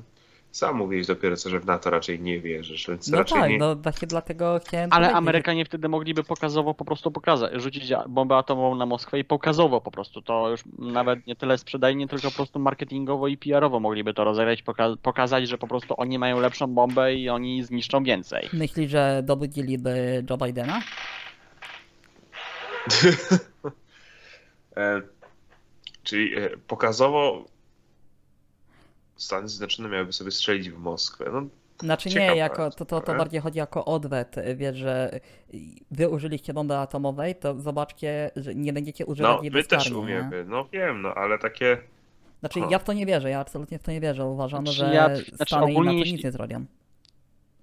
No, tak jak mówię, ja będę stał przy swoim stanowisku, że po prostu tu jest gra nawet nie tyle co gdzieś tam wojskowa, ale mówię i wizerunkowa i gospodarcza, bo Stany Zjednoczone na po prostu na przegranej gdzieś tam świata zachodniego, czy nawet Ukrainy, gdzieś oni po prostu na tym by stracili i na braku reakcji, no bo po prostu wtedy Europa by się od nich odwróciła, czyli ostatni ich tak naprawdę trwały i znaczący coś ekonomicznie sojusznik. A Chiny by to wykorzystały. A teraz zwracając, a co do bomby atomowej, to twierdzę, twierdzę że tak, jeżeli Putin uderzyłby, to mam wrażenie, że ma, mam takie myślenie, że po pierwsze nie byłoby to teren Ukrainy, a druga kwestia byłby to tak mało znaczący i gdzieś tam może mało zaludniony teren, żeby nie zrobić i tak mały ładunek bomby atomowej, żeby nie zrobić nikomu krzywdy, ale że właśnie pokazać, że my mamy tę bombę, że możemy ją użyć i użyjemy na każdego, kto nam zagrozi. Po prostu to może być etapami, że po prostu uderzy, być może następną, następnym atakiem będzie po prostu gdzieś tam większa bomba i bardziej zaludniony teren, ale wydaje mi się, że jeżeli, jeżeli rzuciłby bombę, to ta pierwsza bomba, być może jedyna, byłaby po prostu takim zwyczajnym straszakiem. Że pokazać, że my to zrobiliśmy i że możemy zrobić to wam i możemy was skrzywdzić po prostu. Takie jest moje zdanie. To ogólnie ciekawe. Gdzie, gdzie, sądzisz, że Rosjanie mogliby spuścić bombę takim wypadku? Jeżeli nie na Ukrainę. To znaczy, no podejrzewam, znaczy ogólnie gdzieś tam czytałem, że były jakieś plany niby w Moskwie, że miałaby być to Warszawa, no ale to by nie zgadzało się z tym, co ja mówię. Za blisko Niemiec. Dokładnie. Za blisko Niemiec. No, też, no chyba, żeby po prostu użyli takiej bomby, która by sięgnęła tylko gdzieś tam w okolicach Mazowsza i ewentualnie części Wielkopolski. Ale mam wrażenie, że to mogłaby być ewentualnie północna Norwegia na przykład. No takie gdybanie na chwilę To- to- obecną. Tak, no, w sensie. mm, Ja też chciałbym jednak e, poruszyć, e, do, do, dokończyć temat tej, e, tego stanu gotowości nuklearnej, bo nie oszukujmy się w ludziach, zwykłych ludziach, którzy jakby nie mają chęci do doszukiwania się informacji. Ten system nie działa tak jak w Ameryce, bo faktycznie w Ameryce to prezydent jakby jest jednoosobową jednostką, która może wydać rozkaz odnośnie ataku nuklearnego.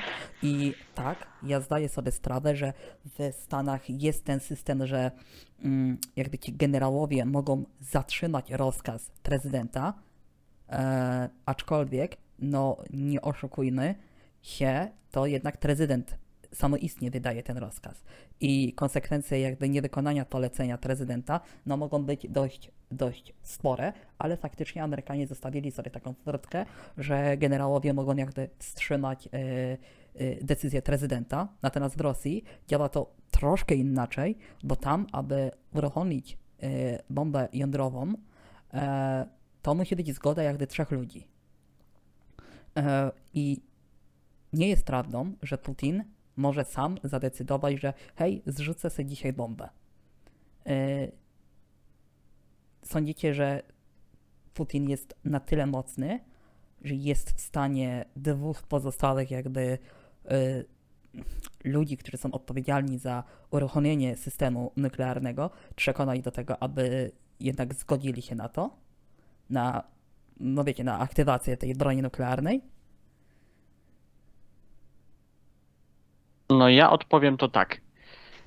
E, pewnie widzieliście tego generała, który był Ta. tak zastraszony, że prawie by się popłakał na wizji. Moim zdaniem, jeżeli Putin, Putin by chciał, to po pierwsze, bo nie jestem, powiem szczerze, pewien, kto, je, kto, co to są za te dwie pozostałe osoby, które mają gdzieś tam decyzyjność w tej kwestii, ale podejrzewam, że Putin już o to dawno zadbał, żeby te dwie osoby były na tyle słabe psychicznie, że on mógłby nimi totalnie i łatwo manipulować.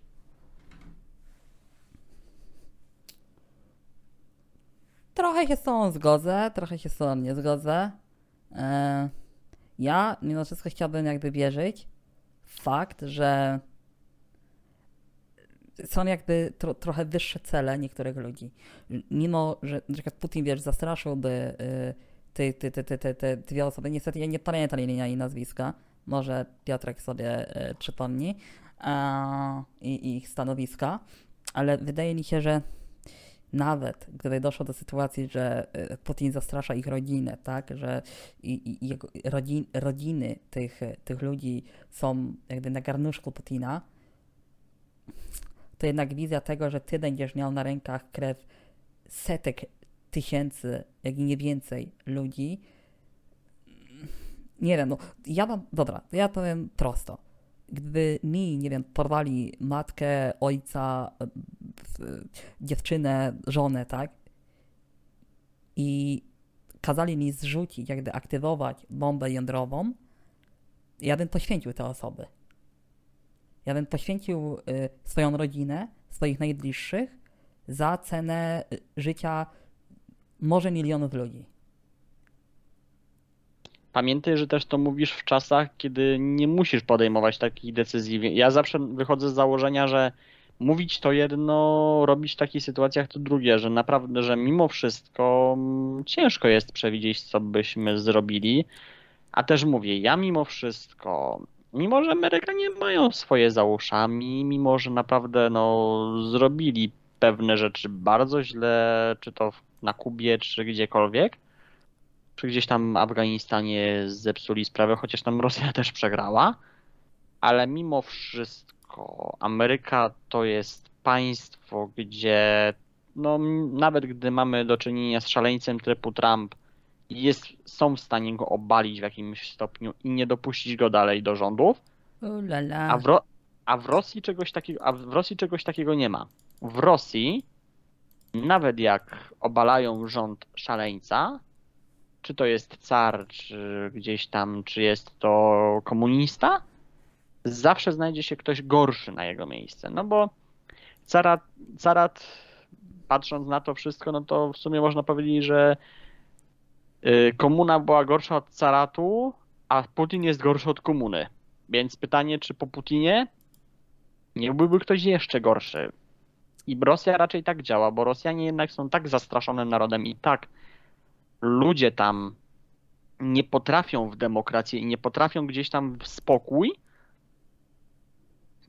bo po prostu im się wmówiło, że oni są mocarstwem i zawsze nim będą, że po prostu władze tam nie myślą totalnie o innych, tylko myślą ewentualnie o interesach Rosji albo swoich. Czaję. Gdzie, gdzie po prostu Amerykanie mimo wszystko, tak jak mówię, patrzą jednak mimo wszystko na interes gospodarczy. Nawet jeżeli nie patrzą na interes swój, to patrzą na interes gospodarczy, gdzie im, co im będzie się bardziej opłacało gospodarczo. Rosjanie nawet w, tym, w tej kwestii na to nie patrzą, no co widać po sankcjach. O, znaczy nie, no zgadzam się z tą. Piotrze, ty żyjesz? Dobranoc. Ty, Piotr usnął. Ty, to jest niewiarygodne. On naprawdę usnął. Nie, nie, nie, nie, to się nie stało. To się nie dzieje naprawdę, to się dzieje na żywo, moi drodzy. No nie, no, ja nie mogę w to uwierzyć.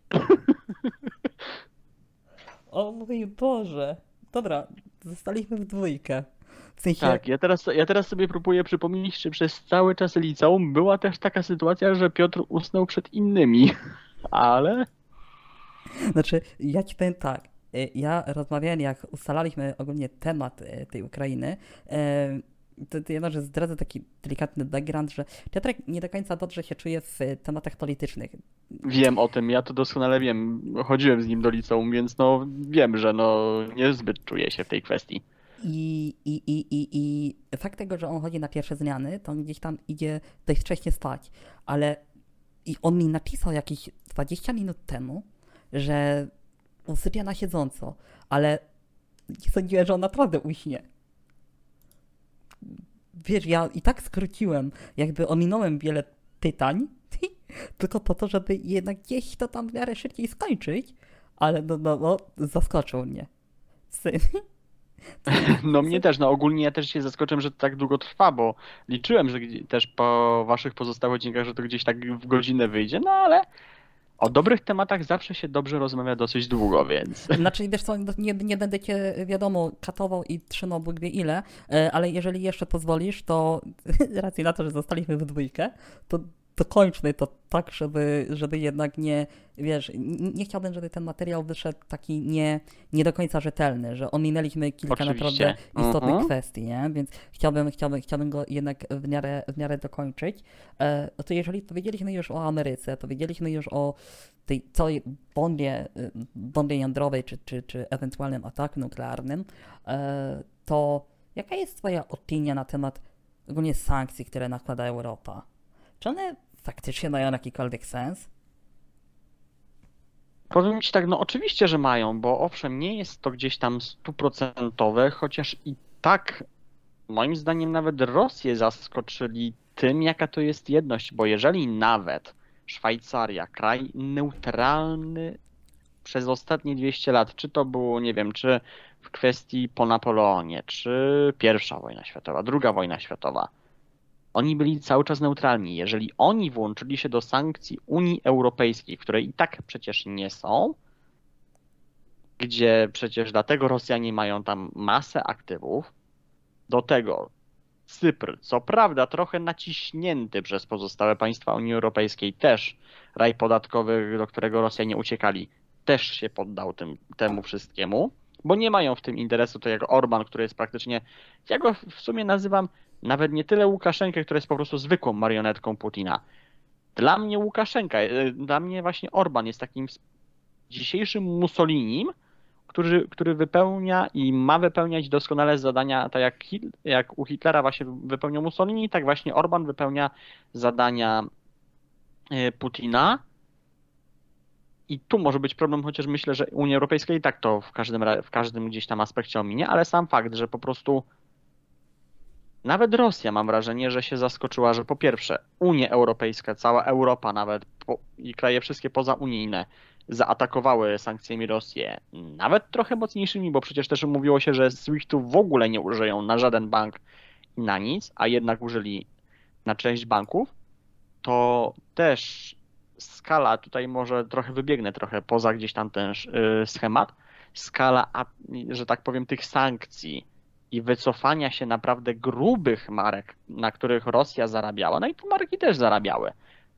powodując się do strat, że po prostu, że nawet te firmy globalne, też pod wpływem nawet mieszka- ich klientów, mieszkańców różnych państw, tak jak to miało miejsce chociażby i z McDonaldem, i z KFC, które no, dosyć mocno przypięte do muru dopiero wycofały się z Rosji i z Białorusi, że naprawdę na Rosji zrobiło to ogromne wrażenie, podobno nawet na Putinie też. I oni sobie zdają z tego sprawę, że no, mogą zostać bankrutami, bo raczej tych sankcji nikt nie wycofa, tym bardziej jeżeli faktycznie dojdzie do tego, chociaż tutaj Niemcy faktycznie działają trochę na szkodę całej Unii Europejskiej. Chociaż tu bardziej mówimy, to jest akurat kwestia typowo Scholza, mam wrażenie, bo mimo wszystko Merkel trochę inna, innym schematem działała, że mimo wszystko chciała spajać Unię Europejską. Scholz działa typowo na siebie, przez co już traci w Niemczech, bo gdyby wybory odbyły się teraz, prawdopodobnie SPD spadłoby gdzieś tam na czwartą pozycję w wyborach parlamentarnych a rządziłoby, rządziliby albo zieloni, którzy są totalnie antyrosyjscy, albo z powrotem CDU, którzy zależy kto tam jest akurat e, rządzącym w tej partii. Więc tutaj by była mniejsza niepewność, więc podejrzewam, że faktycznie zieloni by wygrali, którzy są totalnie antyrosyjscy. I wtedy to no, mogłoby inaczej wyglądać, chociaż Scholz na pewno też wywarł się gdzieś tam wpływom amerykańskim, żeby jednak zaatakować sankcjami. To tak jak mówię, Rosja się tego nie spodziewała i na pewno na tym ogromnie straci. I straci absolutnie wszystko, bo to przez lata może nie być do odzyskania, a jedyną drogą będą wtedy dla Rosji Chiny, które po prostu będą chciały wykupić Rosję.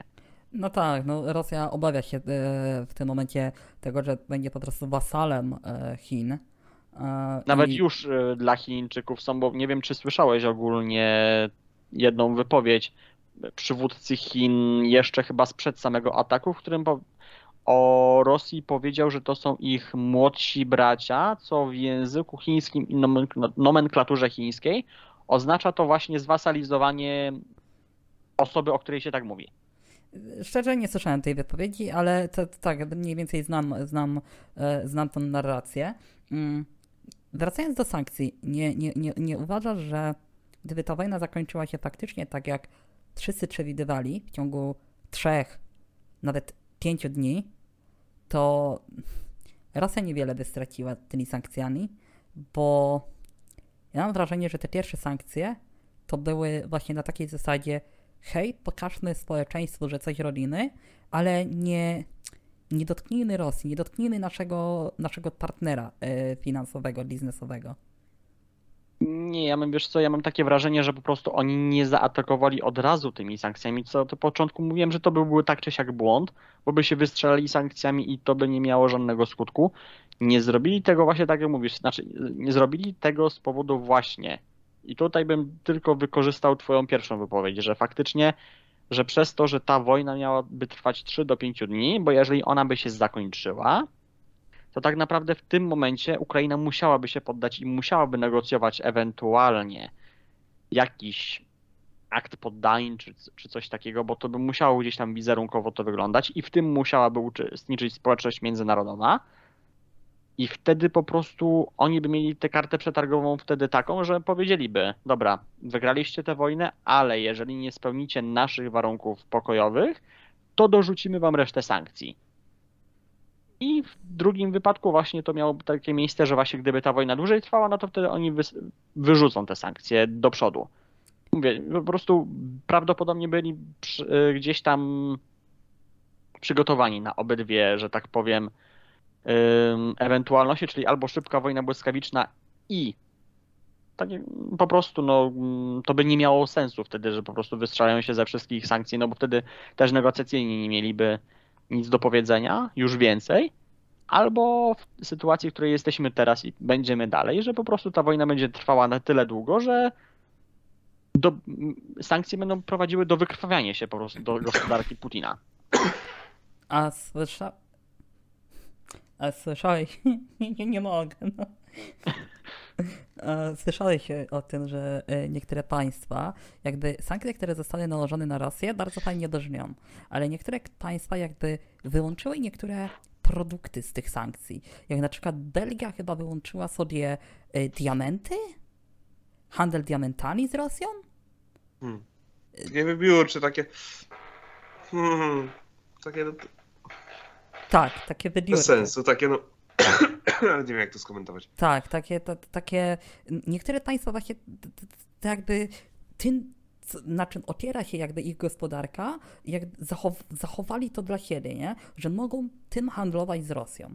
Tam wiem, że chyba była gdzieś jakieś części elektroniczne, tam części do broni, co, co, co, co, co, coś w ogóle takiego. No, bardzo takie mało istotne z globalnego punktu, ale mimo wszystko dalej pokazujące, że no, Rosja ludzie chcą handlować z Roskini. Europa chce handlować z Roskini. Europa chce, żeby Rosja była częścią Europy. Znaczy, to co powiedziałeś, to jest w tym momencie bardzo istotne, bo też trzeba zaznaczyć, że Europa, Europa dalej ma gdzieś tam wiarę, że jak nie Putin, to znajdzie się ktoś taki, który będzie demokratą, który to wszystko ułoży, co nie jest też jednak niestety prawdą, bo żeby tak było, to najpierw trzeba było podzielić Rosję na 3-4 państwa, tym jedno do Uralu, a resztę po prostu sobie gdzieś tam w Azji niech sobie funkcjonuje jak chce tam te trzy państewka, które nie będą zagrażały nikomu. A Rosja jako całość nigdy nie będzie demokratyczna, bo po prostu tam, żeby ktoś musiał, ktoś tam, tam, żeby ktoś rządził, musi to robić twardą ręką, bo tak, tego oczekują obywatele, tak przyzwyczajeni przez setki lat.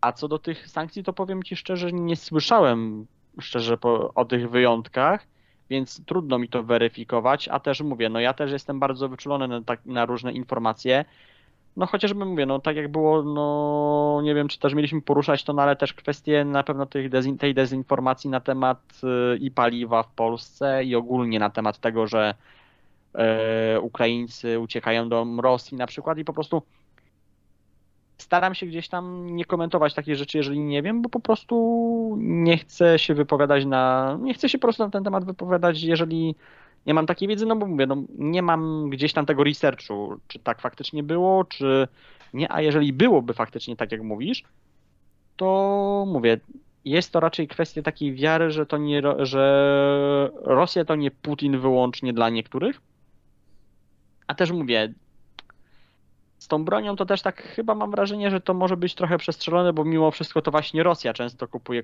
komponenty od innych państw, gdzie tu nawet z tego co wiem, nawet Chiny się odcięły i nawet Rosja ma w tym problem, bo jedna fabryka chińska zakazała eksportu części do broni dla Rosji, przez co no bardzo mocno gdzieś tam zatrzymała rozwój armii rosyjskiej i ich floty na podobno nawet 3-4 miesiące, że po prostu nie będą mieli dostaw nowej broni. Więc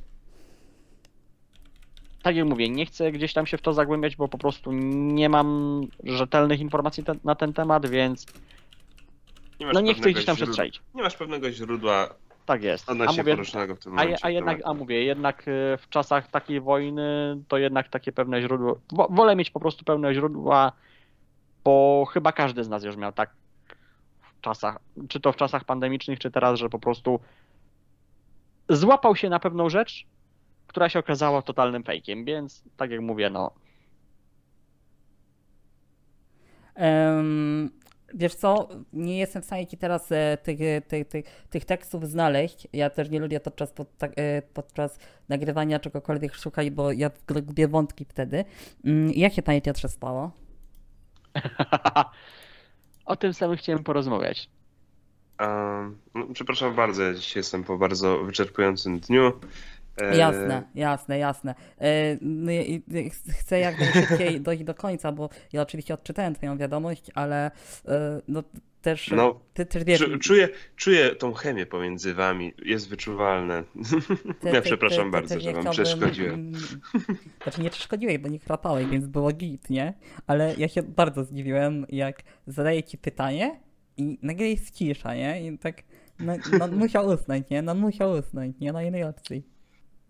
No, Y, niestety, Chcesz jestem się o sankcjach wypowiedzieć, bo y, mam jakby rzecz, która bardziej cię zainteresuje. Znaczy no, odnośnie sankcji, no niestety tak mogłem trochę przegapić. Dobra, to przejdziemy do czegoś, co może cię rozbudzi. Y, Wpływ wojny cybernetycznej i wpływ jakby tych organizacji pokroju Anonymous na przebieg y, samej no, samej wojny po prostu na Ukrainie. Czy waszym zdaniem ma to znaczenie, czy to nie ma znaczenia? Bo ja słyszałem opinię, że du- dużo, dużo ludzi jednak wypowiada się, że wojna cybernetyczna bardzo fajnie brzmi, ale w rzeczywistości ma bardzo mały wpływ na sam, sam jej przebieg. Sam przebieg, y, wiecie, konfliktu zbrojnego, nie?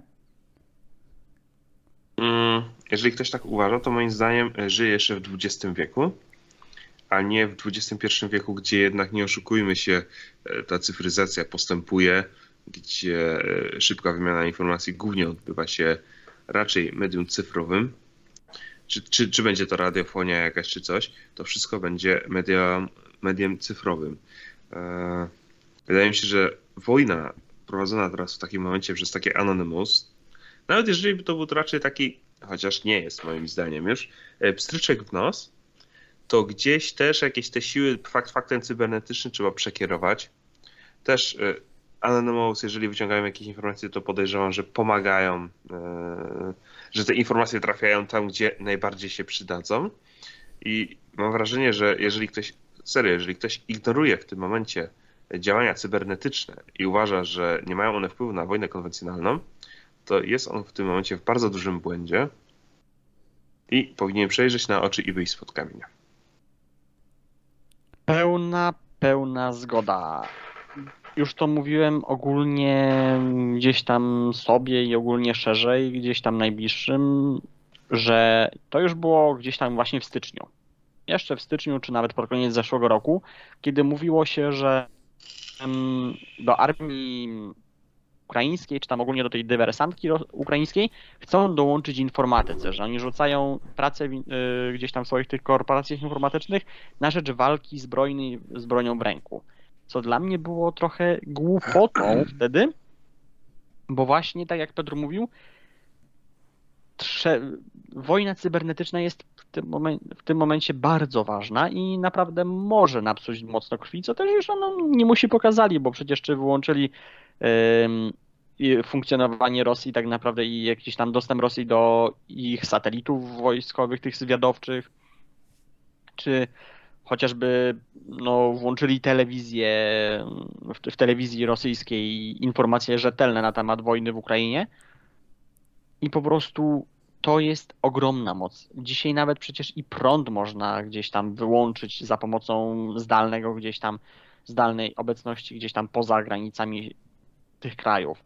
Więc naprawdę Odnośnie prądu, e, swego czasu czytałem książkę Blackout Marka Ellsberga i nie zweryfikowałem tych informacji. Jeżeli to, co tam napisał, mi się to wydawało akurat w miarę logiczne. E, Wszystkie elektrownie świata, wszystkie elektrownie, może nie świata, ale z danego regionu muszą być zsynchronizowane, muszą pracować w taki sam sposób, żeby dawać tą samą sinusoidę do sieci i tak dalej, i tak dalej. I w momencie, jeżeli któraś elektrownia będzie dawała inną sinusoidę i nie będzie zsynchronizowana z resztą sieci, ta jedna elektrownia może doprowadzić do odcięcia reszty elektrowni. Więc jak najbardziej można byłoby odłączyć prąd nawet i w całym kraju, jeżeli to jest to, co jeżeli sam autor odrobił lekcję i faktycznie to, co napisał, jest prawdą, y, to bylibyśmy w stanie wyłączyć, odciąć nawet całą Europę, która korzysta mniej więcej z tego samego systemu, y, z tego samego, tych samych wartości napięć, jakże i y, częstotliwości y, prądów w naszych gniazdkach, od prądu po prostu, destabilizując całą sieć. Atakując No. tak naprawdę kilka kluczowych elektrowni, które byłyby w stanie dosyć porządnie zdestabilizować resztę sieci.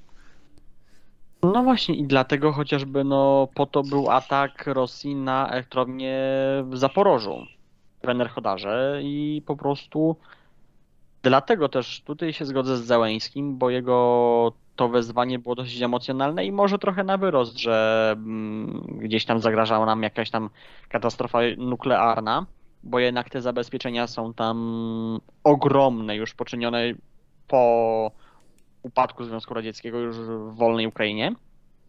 Ale sam fakt, że po prostu niedocenianie cybernetyki w wojnie to jest tak samo jak niedoceni- jakby było niedocenianiem cybernetyki w walce z przestępczością zorganizowaną, gdzie przecież i obecnie i jakieś tam, nie wiem, burdele, czy jakieś tam, no nie wiem, no mafie chociażby funkcjonują w internecie, czy to w postaci kryptowalut, czy nawet, nie, czy no chociażby, no nie wiem, seks biznesu po prostu.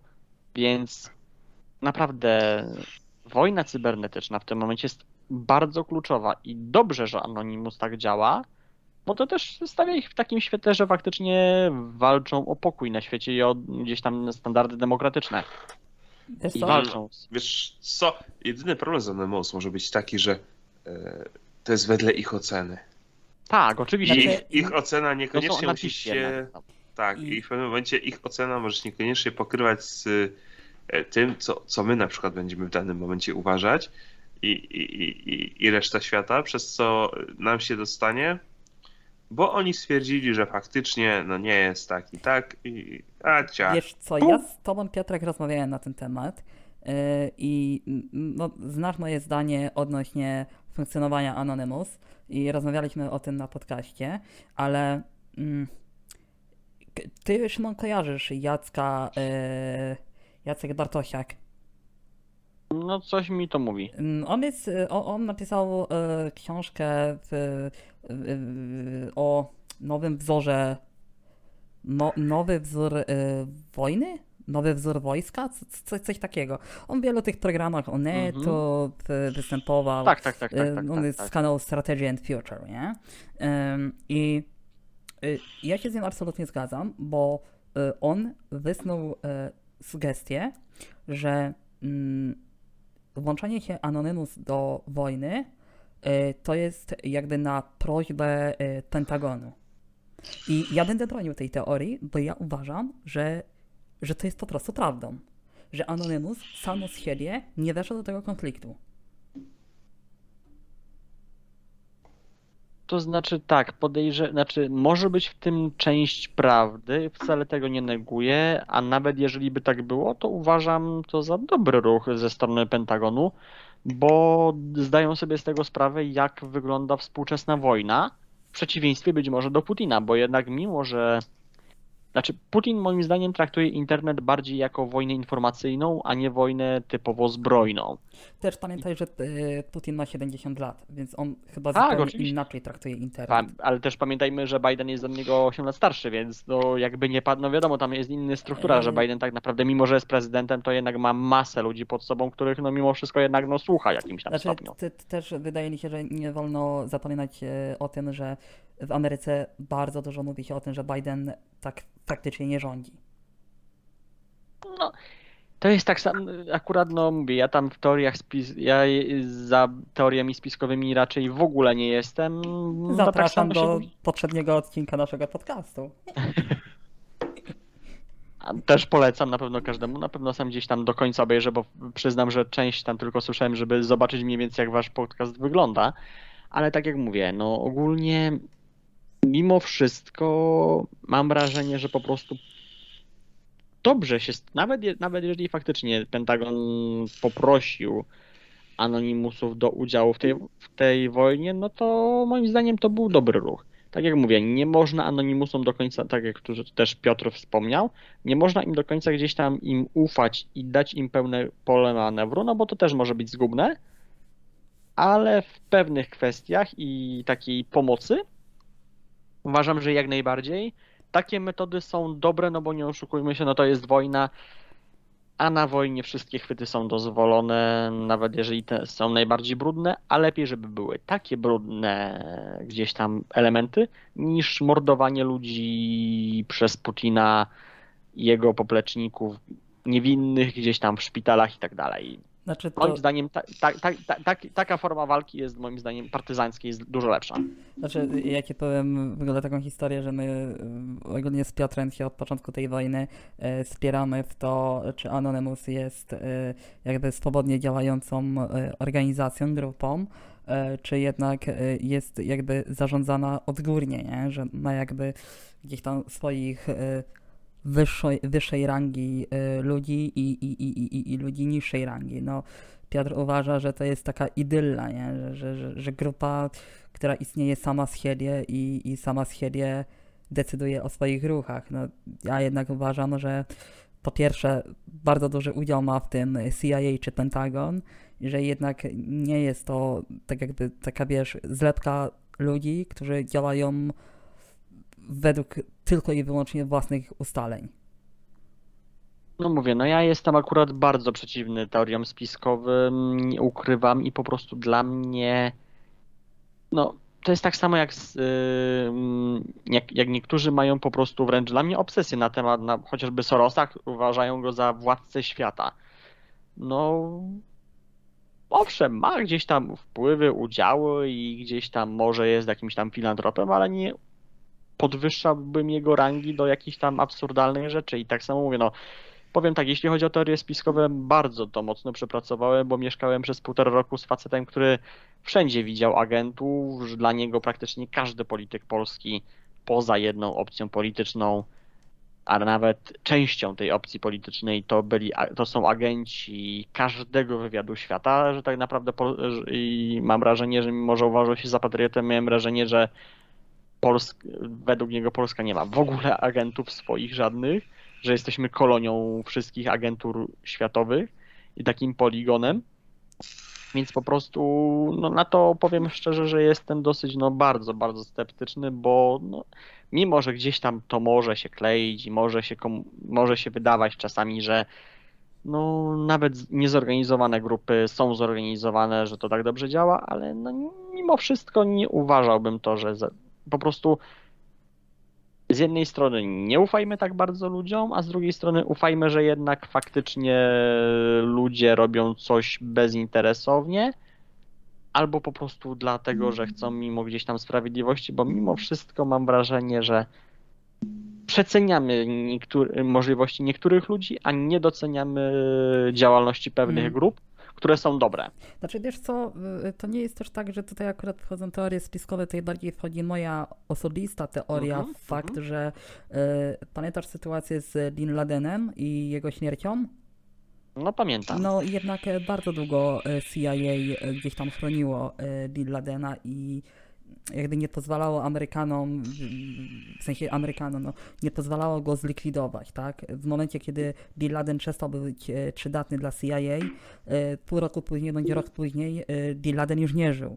Mm, czasami mam wrażenie, że mm, CIA działa, czy Pentagon działa jakby wbrew temu, co co mówi i konstytucja, i prawo Stanów Zjednoczonych. Znaczy, nawet nie wydaje mi się, tylko tak to po prostu jest, bo takich sytuacji jest wiele, gdzie CIA czy Pentagon decyduje jakby samo za siebie. Ale to, to prawda, nie tu, nie, tu, nie, tu się akurat z tą twoją teorią, teorią zgodzę, no bo chociażby te, to więzienie CIA w Polsce, które było to było i złamanie i prawa polskiego, i prawa amerykańskiego, więc no na dobrą sprawę, no. Tylko z drugiej strony mam, te, teraz, teraz jest taki konflikt interesów. Działajmy tak i miejmy jakiś skutek w tej postaci, gdzieś tam jakiś sukces mały gdzieś w jakimś in, na innym polu, albo działajmy zgodnie z prawem w 100%, jeżeli to są tajne służby, i po prostu dajmy się gdzieś, zła, dajmy się po prostu, bądźmy czytelni dla wroga. Na przykład, nie wiem, że Amerykanie byli, byliby czytelni dla Rosjan czy dla Chińczyków. Więc mówię, nie bronię złych działań, bo mówię, Amerykanie mają swoje za uszami, to trzeba przyznać, że i w Zatoce Świni dali ciała ze swoimi planami i ogólnie, no, gdzieś tam ich plany były często niewypałami i ich wywiad nie za dobrze informował tak, teraz muszę oddać to, że wywiad amerykański zrobił naprawdę cholernie dobrą robotę, jeśli chodzi o wojnę w Ukrainie. Trochę też z niezdarności podejrzewam i Rosjan i Czeczenów, bo to mówię, są dane, że po prostu Czeczeni zawalili i po prostu wygadali termin ataku. A tak jak mówię, no wiadomo, no służby są, znaczy, Każdy kraj co, ma je. Więc... O Amerykanach można, no tak jak powiedziałem, bardzo dużo mówić. No, chociażby cały konflikt w Iraku i no, skutki, skutki, z którymi ludzie się borykają do dzisiaj, tak? Terroryzm, e, jakby wskrzeszenie tego islamskiego półksiężyca, mm, wsparcie, e, wsparcie bronią e, terrorystów, które Stany przekazywały, tak? E, Nie wiem, czy pamiętasz, gdy Hillary Clinton startowała z Donaldem Trumpem w wyborach prezydenckich, gdzie w sumie chyba tylko dlatego ona przegrała te wybory, bo faktycznie ona wspierała, w sensie, no, jej podpis widniał na dokumentach z przekazania broni, tak? Która później była wykorzystywana przez islamskich terrorystów. E, więc Ameryka, Ameryka rozpoczyna w sumie jakby, może niekoniecznie własnymi rękami, ale gdzieś pośrednio każdą wojnę e, i, i, i później cały świat się z tymi wojnami musi, musi, e, musi mierzyć, a, a Stany jakby umywają później ręce od tego. Dlatego, tak jak powiedziałem, tak może tak już skoń, sk- kończąc, tak, tak, myślę, ten temat, e, po prostu powiem tak, tak jak powtórzę to, co powiedziałem. Dla mnie Amerykanie, o ile w tych małych wojenkach typu właśnie Afganistan, Irak, Syrię i tak dalej, oni nie przywiązują wagi do nich tak mocno, są w stanie ponieść ich koszta i gdzieś tam przegrać, bo po prostu wpisują sobie to w koszta, nie kosztuje ich ani świata zachodniego, czy, czyli po prostu Europy tak mocno.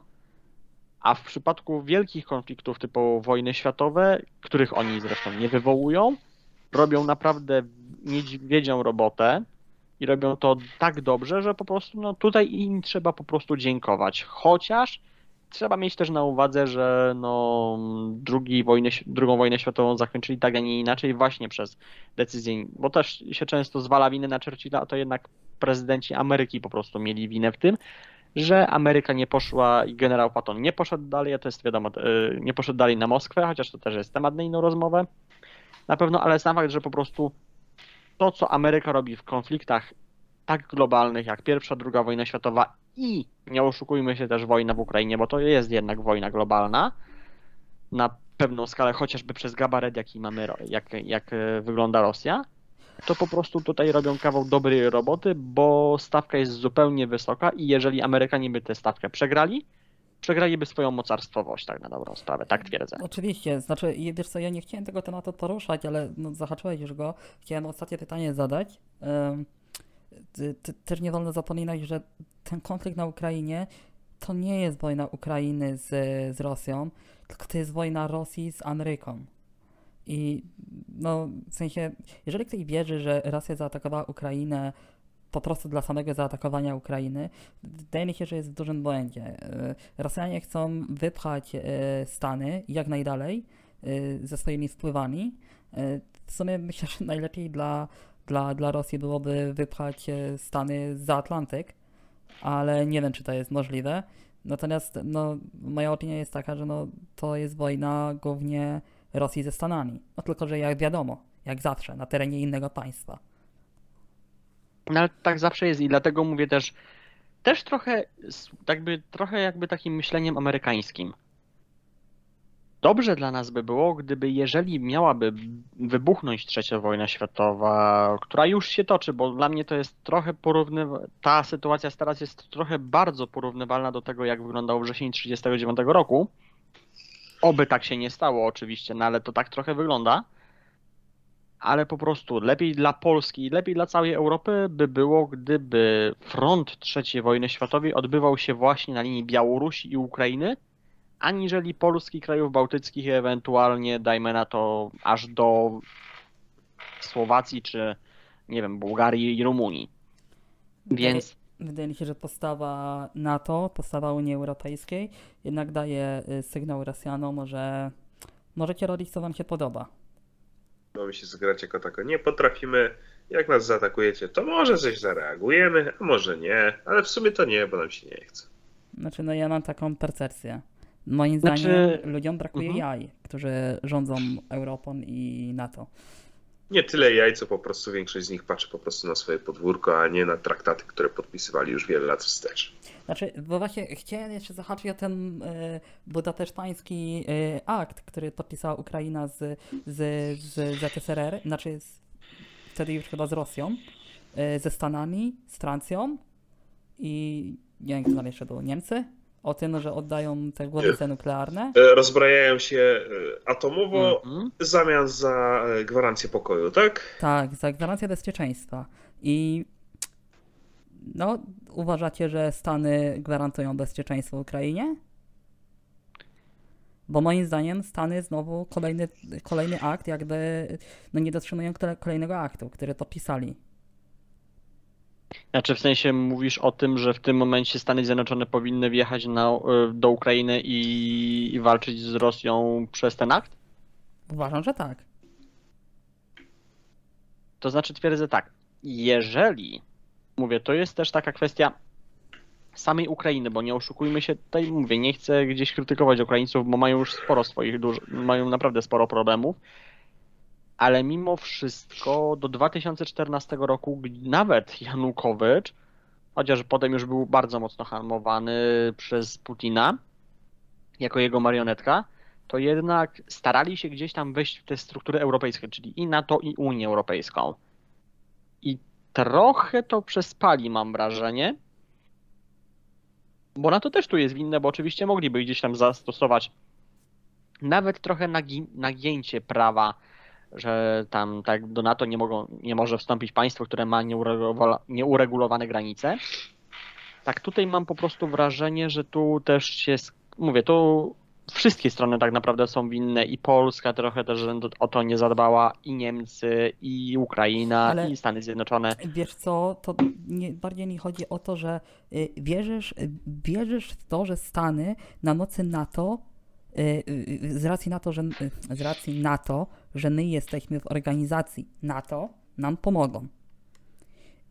To jak, tak jak to, mówię, to jak to Mhm. ma się do jednak dokumentu oficjalnego, które Stany podpisały i zadeklarowały pomoc Ukrainie? Gdzie jest ta pomoc? W sensie, no, niech oni pomogą y, jako armia swoja, tak? Jako jedna z największej, jako jedna z y, najliczniejszych y, armii świata, niech oni pomogą z racji na ten traktat Buda, Bu- budapesztański, a nie jako NATO. Znaczy, no to też, ale z drugiej strony zobacz, że jednak mimo wszystko i NATO, i też częściowo Stany Zjednoczone pomagają chociażby sprzętem, bo i Kanada wysyła sprzęt i tak dalej, więc nie można powiedzieć, bo to też jest trochę, Nie, Nawet dla z mnie tego to się- nie nawet- jest, nawet, dla mnie wiesz to nie nawet- jest nawet- tylko pamiętaj, że nawet Czyli- Ukraińcy się czyli tego chcesz mi- wycofali. Chcesz, chcesz mi powiedzieć, że mm, sprzęt jest chuja warty, ten co dostałem? Nie, były trochę inne ustalenia. I Ameryka znowu wy, wy, wyłgała się z pomocy. Znowu zabrała jakby gwarant bezpieczeństwa państwu. To państwo teraz cierpi, a oni wyrażają wielkie ubolewanie. Sami Wolę do tego się doprowadzili. tam w, ty, w tych gwarantach było to, że faktycznie wejdą w Ukrainę, czy po prostu pomogą? E, nie, no, miało być, że to y, y, utrzymanie granic. Było utrzymanie granic i, i pomoc. To się nie wiem, jak to było nazwane. Nie wiem, czy to było nazwane pomocą militarną. Nie, nie, nie, nie, jestem pewien. Że na, wiem, że Bo na nawet, nawet pod nazwą pomoc militarna może być sama broń. Czy nie wiem, znaczy wiesz co, ty, ty, ty, nie, nie, ja czytałem ten traktat z tydzień temu i po prostu już go nie pamiętam e, tak w 100%. Na pewno pamiętałem o, o tej pomocy i o tych granicach, nie? Że, że, że jest to jakby gwarant tego, że, że granice zostaną nienaruszone. E, nie wiem, co można rozumieć przez nienaruszenie granic. No w sumie, nie naruszenie granic akurat, no to tutaj traktat złamała Rosja, no bo naruszyła te granice. Znaczy, no, widzisz, mm, jakby y, informacja, informacja y, Rosji była taka, że to jest operacja na niezależnych terenach, tak? Nie, nie, nie, nie niezależnych. Ym, separatystycznych terenach, y, nie należących do Ukrainy, ich zdaniem. Ich zdaniem, więc tak jak mówię, no ja mówię, nadal twierdzę, że mimo wszystko broń w tym momencie, w tym momencie wojny jest adekwatną pomocą. I tak jak mówię, no z tymi migami faktycznie i strona polska trochę, i amerykańska, i natowska dały ciała wizerunkowo, chociaż z drugiej strony zagrywka Polski tutaj też akurat, mimo że jestem totalnym przeciwnikiem tego rządu, ale zagrywka Polski była o tyle dobra, że Putin zobaczył, że, że NATO jest w stanie to zrobić, nawet jeżeli tego nie zrobi w tym momencie. No tak samo się mówi o Swiście, że na pewno nie, że to wykluczy, że nie chcą, ale w końcu zmienili zdanie pod wpływem różnych sytuacji wojennych. Tak jak mówię, tak twierdzę, że na ten moment sama pomoc militarna, czyli wysyłanie naprawdę masy broni, masy sprzętu wojskowego i też szkolenie wcześniejsze, bo też nie można zapominać o tym, że Amerykanie szkolili i też Amerykanie, Polacy, inne, inni członkowie NATO szkolili Ukraińców w walce i w tym sprzęcie, który im miał być ewentualnie dostarczony, gdyby wybuchła wojna. Ach, Bo zobacz, że sobie z tą bronią radzą świetnie, bo no, mają jakieś tam sukcesy i dużo strat Ros Rosjanie ponieśli mimo wszystko sprzętowych.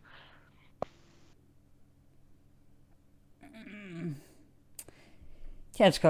Znaczy, wiesz co... mm, Ja, ja trochę inny, jak dam, mam ogląd na e, dogadywanie się na różne rzeczy. E, jeżeli wiąże się z kimś jakąś umową, e, to nie szukam dziury, żeby jej nie, wy, nie wypełnić. Rozumiesz? Ja mam wrażenie, że Stany robią wszystko, żeby znaleźć w dokumencie coś, co sprawi, że nie będą musieli się mieszać. No a załóżmy, że Stany by pomogły i taka Rosja by stwierdziła, że na podstawie czego wy pomagacie. No ale Rosja sama No to właśnie. pisała ten dokument. Oni No, wiedzą, co Dobra, jest oni to mają w Ale, pompie. no więc No, no właśnie, właśnie. Ro Rosja nie przestrzega żadnych praw. Ale to co? Ale to, to, to w takim razie pozwalamy na wszystko Rosji? Znaczy, bo z tej narracji wychodzi, że Rosjanie mogą decydować o tym, kto podejmuje jakie decyzje, bo wywołują strach.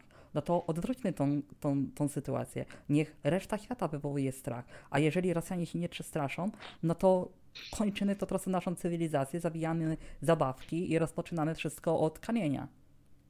Nawet nie od kamienia, bo nas by nie było. Znaczy nie, no bo ja mam wrażenie, że wszyscy ulegają e, Rosji w tym momencie. Że nikt tutaj po prostu nie ma jaj na to, aby sprawdzić karty Rosjan. I Rosjanie też są ludźmi. Może bardziej pierdolniętymi, ale dalej są ludźmi. Tylko pamiętaj, że mamy na razie no już 16 dzień wojny, więc to jest dopiero sam początek, a no raczej wszyscy się chyba szykujemy już na to w tym momencie, że no ta wojna potrwa latami.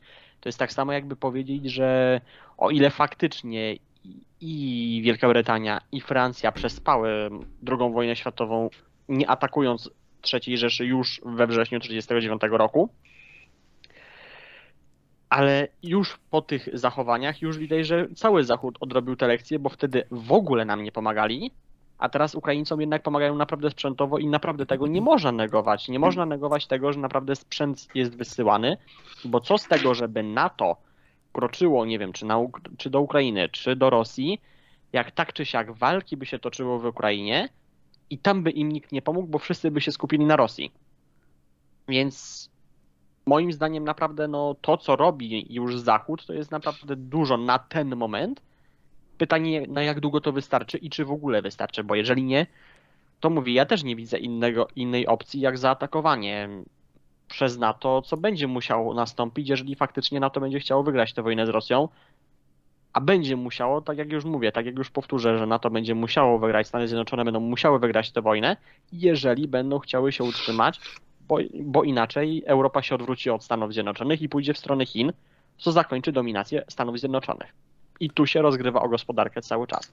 Mm, nie, nie, nie, nie, nie sądzicie, że mm, dużym winowajcą całego tego konfliktu staje się y, Joe Biden? Nie, absolutnie. Absolutnie nie. I podejrzewam, że na rękę Putinowi byłoby to, gdyby rządził Trump, bo Trump by kompletnie nic nie zrobił i tylko po prostu Mm. powiedział, dobra, jedźcie Znaczy, sobie dalej Co, i... ja słyszałem opinię, że e, Putin czekał na reelekcję Trumpa, bo Trump chciał wyjść z NATO. E, No ja, tak. No, ja o tym wiem. E, natomiast wydaje mi się, że Trump jest na tyle nieobliczalnym człowiekiem, że... Znaczy, ja mam wrażenie, że ludzie traktują Putina jako debila, jako szaleńca, a ten gość, mimo tego, że jest no, turboświrem, ogarnia rzeczywistość, przynajmniej jeżeli chodzi o taką, takie kwestie y, relacji międzyludzkich. I siedział cicho do momentu, aż nie nie pojawił się y, śpiący Joe i dopiero wtedy rozpoczął całą inwazję. Od Białorusi po, po, po, po Ukrainę. W sensie, no moje zdanie jest takie, że Trump był na tyle nieobliczalny, że dawał gwarant bezpieczeństwa Europie. Czyli, że co, e, czyli już mam rozumieć, że e, nikt nic, niczego nie planował, bo Trump był na tyle szalony, że tak naprawdę nikt nie wiedział, jak się zachowa? Y, A tak na dobrą sprawę Trump miał w dupie Europę. No tak, ja tak uważam.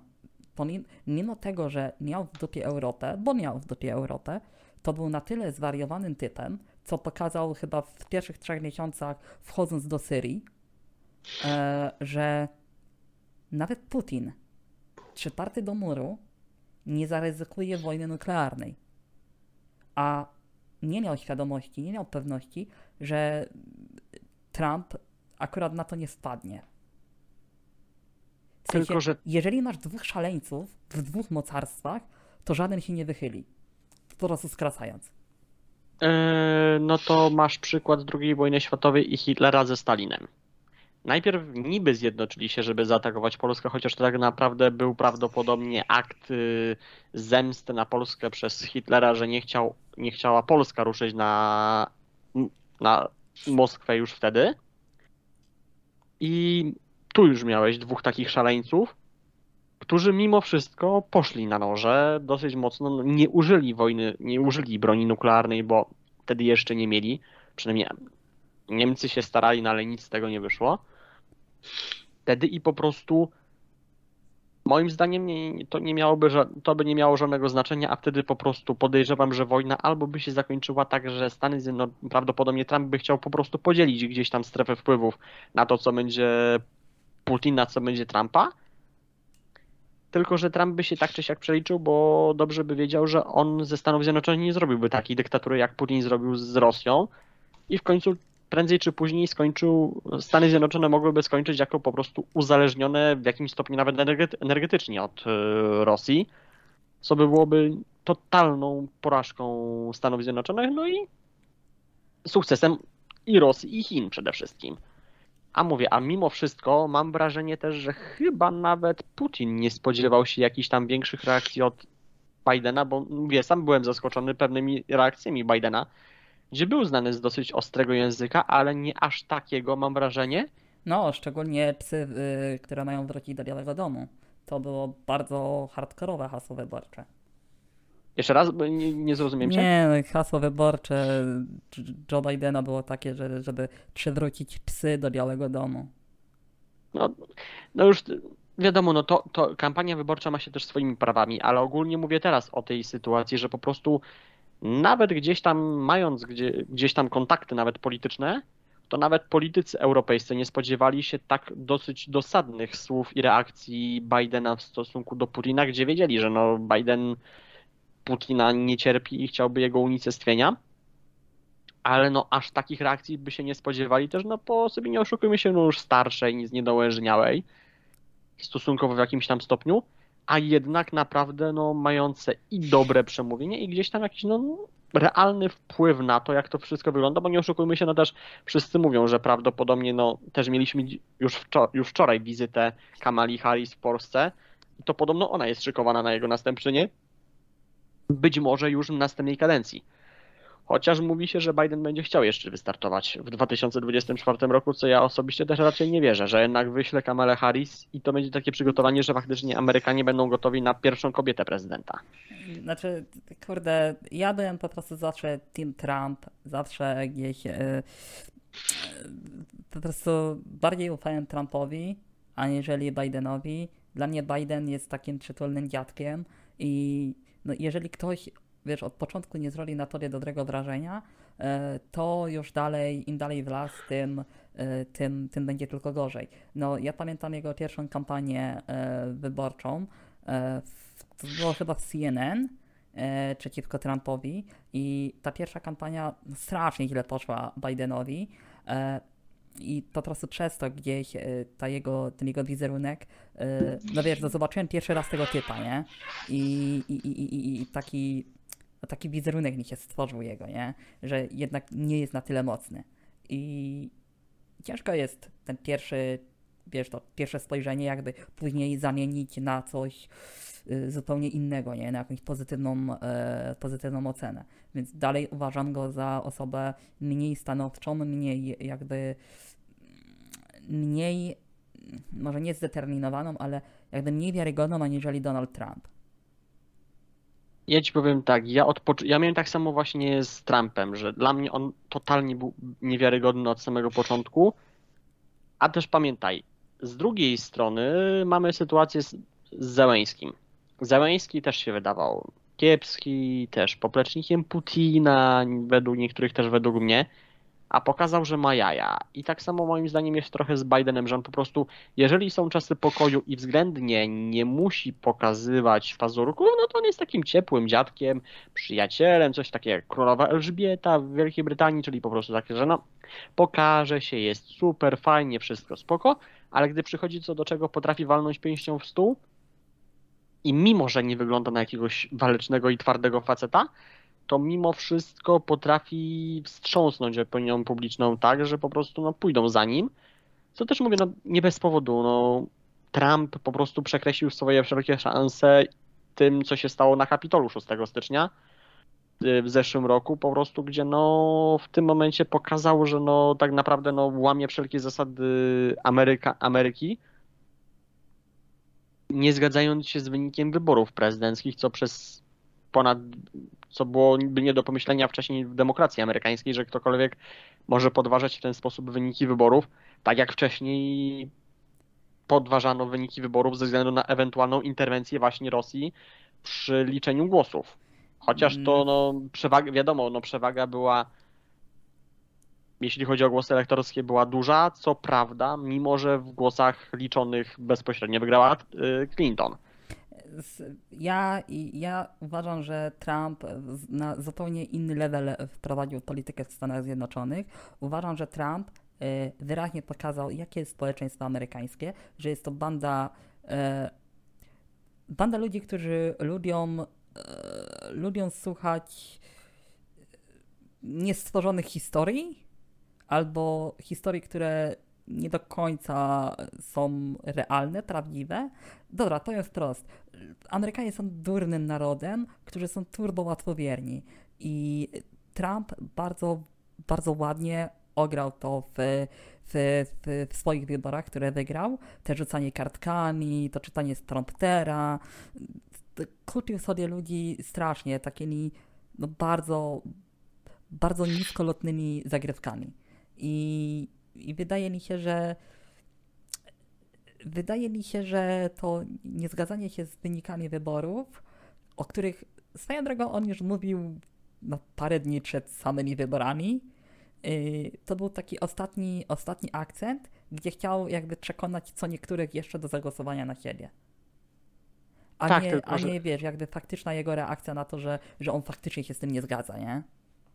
Tak, tylko że nie zapominajmy, że Trump mimo wszystko też jest mimo wszystko idiotą, a druga kwestia jest taka, że no działanie w ten sposób na swoich obywateli, bo gdyby to było tak, że nie wiem, że Trump by startował, nie wiem, na prezydenta, nie wiem, Brazylii, czy na prezydenta Meksyku jako Amerykanin, to by miało jakikolwiek, jak miałoby uzasadnienie osłabiając swoje społeczeństwo, os- osłabiając ten naród, w którym startuje w wyborach. A jeżeli mamy do czynienia z państwem, które on ma przewodzić i pokazuje, że jego naród jest kretyn, to są, to są kretyni, co jest akurat prawdą, bo tu się w 100% zgodzę, dla mnie Amerykanie też to są w dużej mierze kretyni, po prostu niemyślące i wierzące w teorie spiskowe.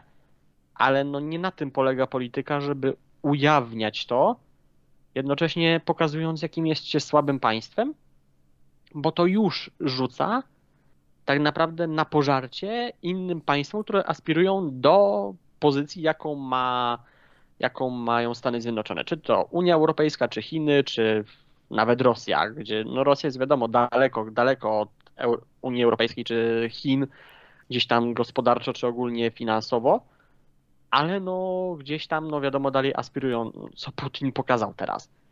I na przykład, moim zdaniem, Putin nigdy by się do tego nie posunął, właśnie dlatego on się nie do tego nie posunął, bo po prostu no, dobrze wiedział, że takie działanie po prostu by zepsuło absolutnie wszystko. A w tym momencie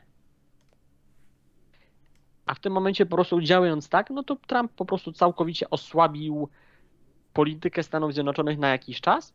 Nawet jeżeli miały gdzieś tam gesty typu, że nie wiem, że wszedł do Korei Północnej na chwilę, się pokazał z Kim Jong-unem, gdzie za chwilę i tak się znowu pokłócili, to były tylko wizerunkowe zagrywki, a tak naprawdę moim zdaniem nawet jako biznesmen gdzieś tam w kwestiach biznesowych po prostu Trump o ile dobrze robił deal z Polską, bo po prostu wykorzystał, wykorzystywał frajerstwo polskiego rządu, tak, tak czy siak po prostu jego zagrywki gospodarcze dla mnie moim zdaniem były strasznie osłabiające Stany Zjednoczone, gdzie tak czy siak nie popieram gdzieś tam działań Bidena, jeśli chodzi o gospodarkę i jego rozdawnictwo, ale mimo wszystko to nie jest tak szkodliwe jak totalna nieobliczalność i niezbyt wolnorynkowe do końca podejście Trumpa.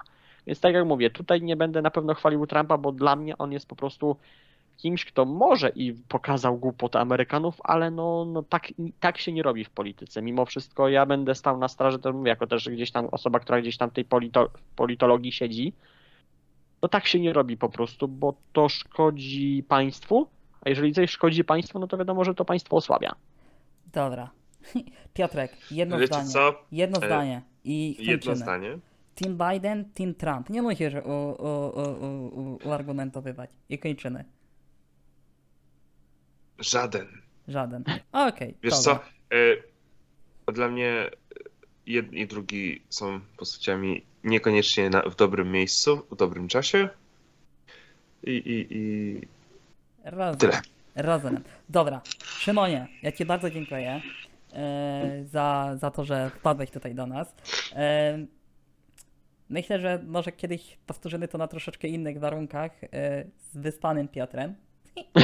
Zdecydowanie, bo Zdecydowanie to też. ja dzisiaj niestety, ale O tak, no niestety terminy są takie, a nie inne i różnie bywa. Dobra, nie będziemy... Też gdybym miał inne terminy, też na pewno bym ten i chcę na pewno Wam podziękować za to, że mnie zaprosiliście, bo to jest zawsze dla mnie ciekawe doświadczenie i na pewno będę Was promował, też na pewno gdzieś tam jakąś grafikę wrzucę na swoje media, na kanał naprawdę, na fanpage na Facebooku, także Dziękujemy, też się polecam. E, my, dzie- oczywiście- my dziękujemy, że wpadłeś. Tak, my głównie dziękujemy właśnie, że wpadłeś, że unieliłeś swoją osobą e, tutaj dzisiejszy podcast i przedstawiłeś e, swoje poglądy na temat e, tego konfliktu na Ukrainie. E, zanim zaczniemy żebrać o e, wszystkie łapeczki, subskrypcje i tak dalej, to pamiętajcie, że w opisie będziecie mieli link do Szymona, do jego e, mediów społecznościowych e, i możecie sobie sprawdzić, co tam Szymon nagrywa, co tam Szymon pisze.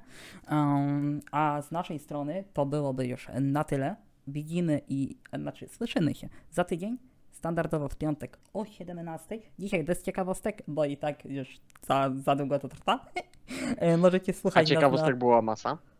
Tak, ale nie, nie, bo my mamy taki segment y, ciekawostek, takich głupkowatych ciekawostek, nie? Jak, nie wiem, I, przy temacie Ukrainy zresztą się też starzamy, starzamy, staramy się ich po prostu nie poruszać. Tak, bo to są takie, wiesz, takie lightowe, naprawdę Mhm. turbo, głupie ciekawostki, nie? Dobra, nieważne. Możecie znaleźć nas na Ankerze, na Spotify'u, na TikToku, w Facebooku, Instagramie. Coś jeszcze mamy, Piotrze? Chyba tyle. Twi- Twitter. Twitter, tylko Twitter jest nieaktywny, bo za mało znaków jest i nie mogę tam pisać. W sensie to jest najgorsza rzecz, ograniczenie y, y, słów, liter. Y, to co, to ja chyba powiedziałem wszystko. Dziękuję wam panowie, dziękuję Łukaszu. Y, Szymonie. Szymonie. Dziękuję jeszcze raz. Dziękuję również. Y, Piotrze, tobie również dziękuję za połowę tego podcastu. Ja również dziękuję za połowę podcastu. Ja na radę wezmę. Tak, dobra. Ja ze swojej strony również Wam dziękuję. E, Żegnamy się z Wami. E, Do usłyszenia za tydzień. Czołem, cześć, cześć. Dobranoc Państwu. Dobranoc.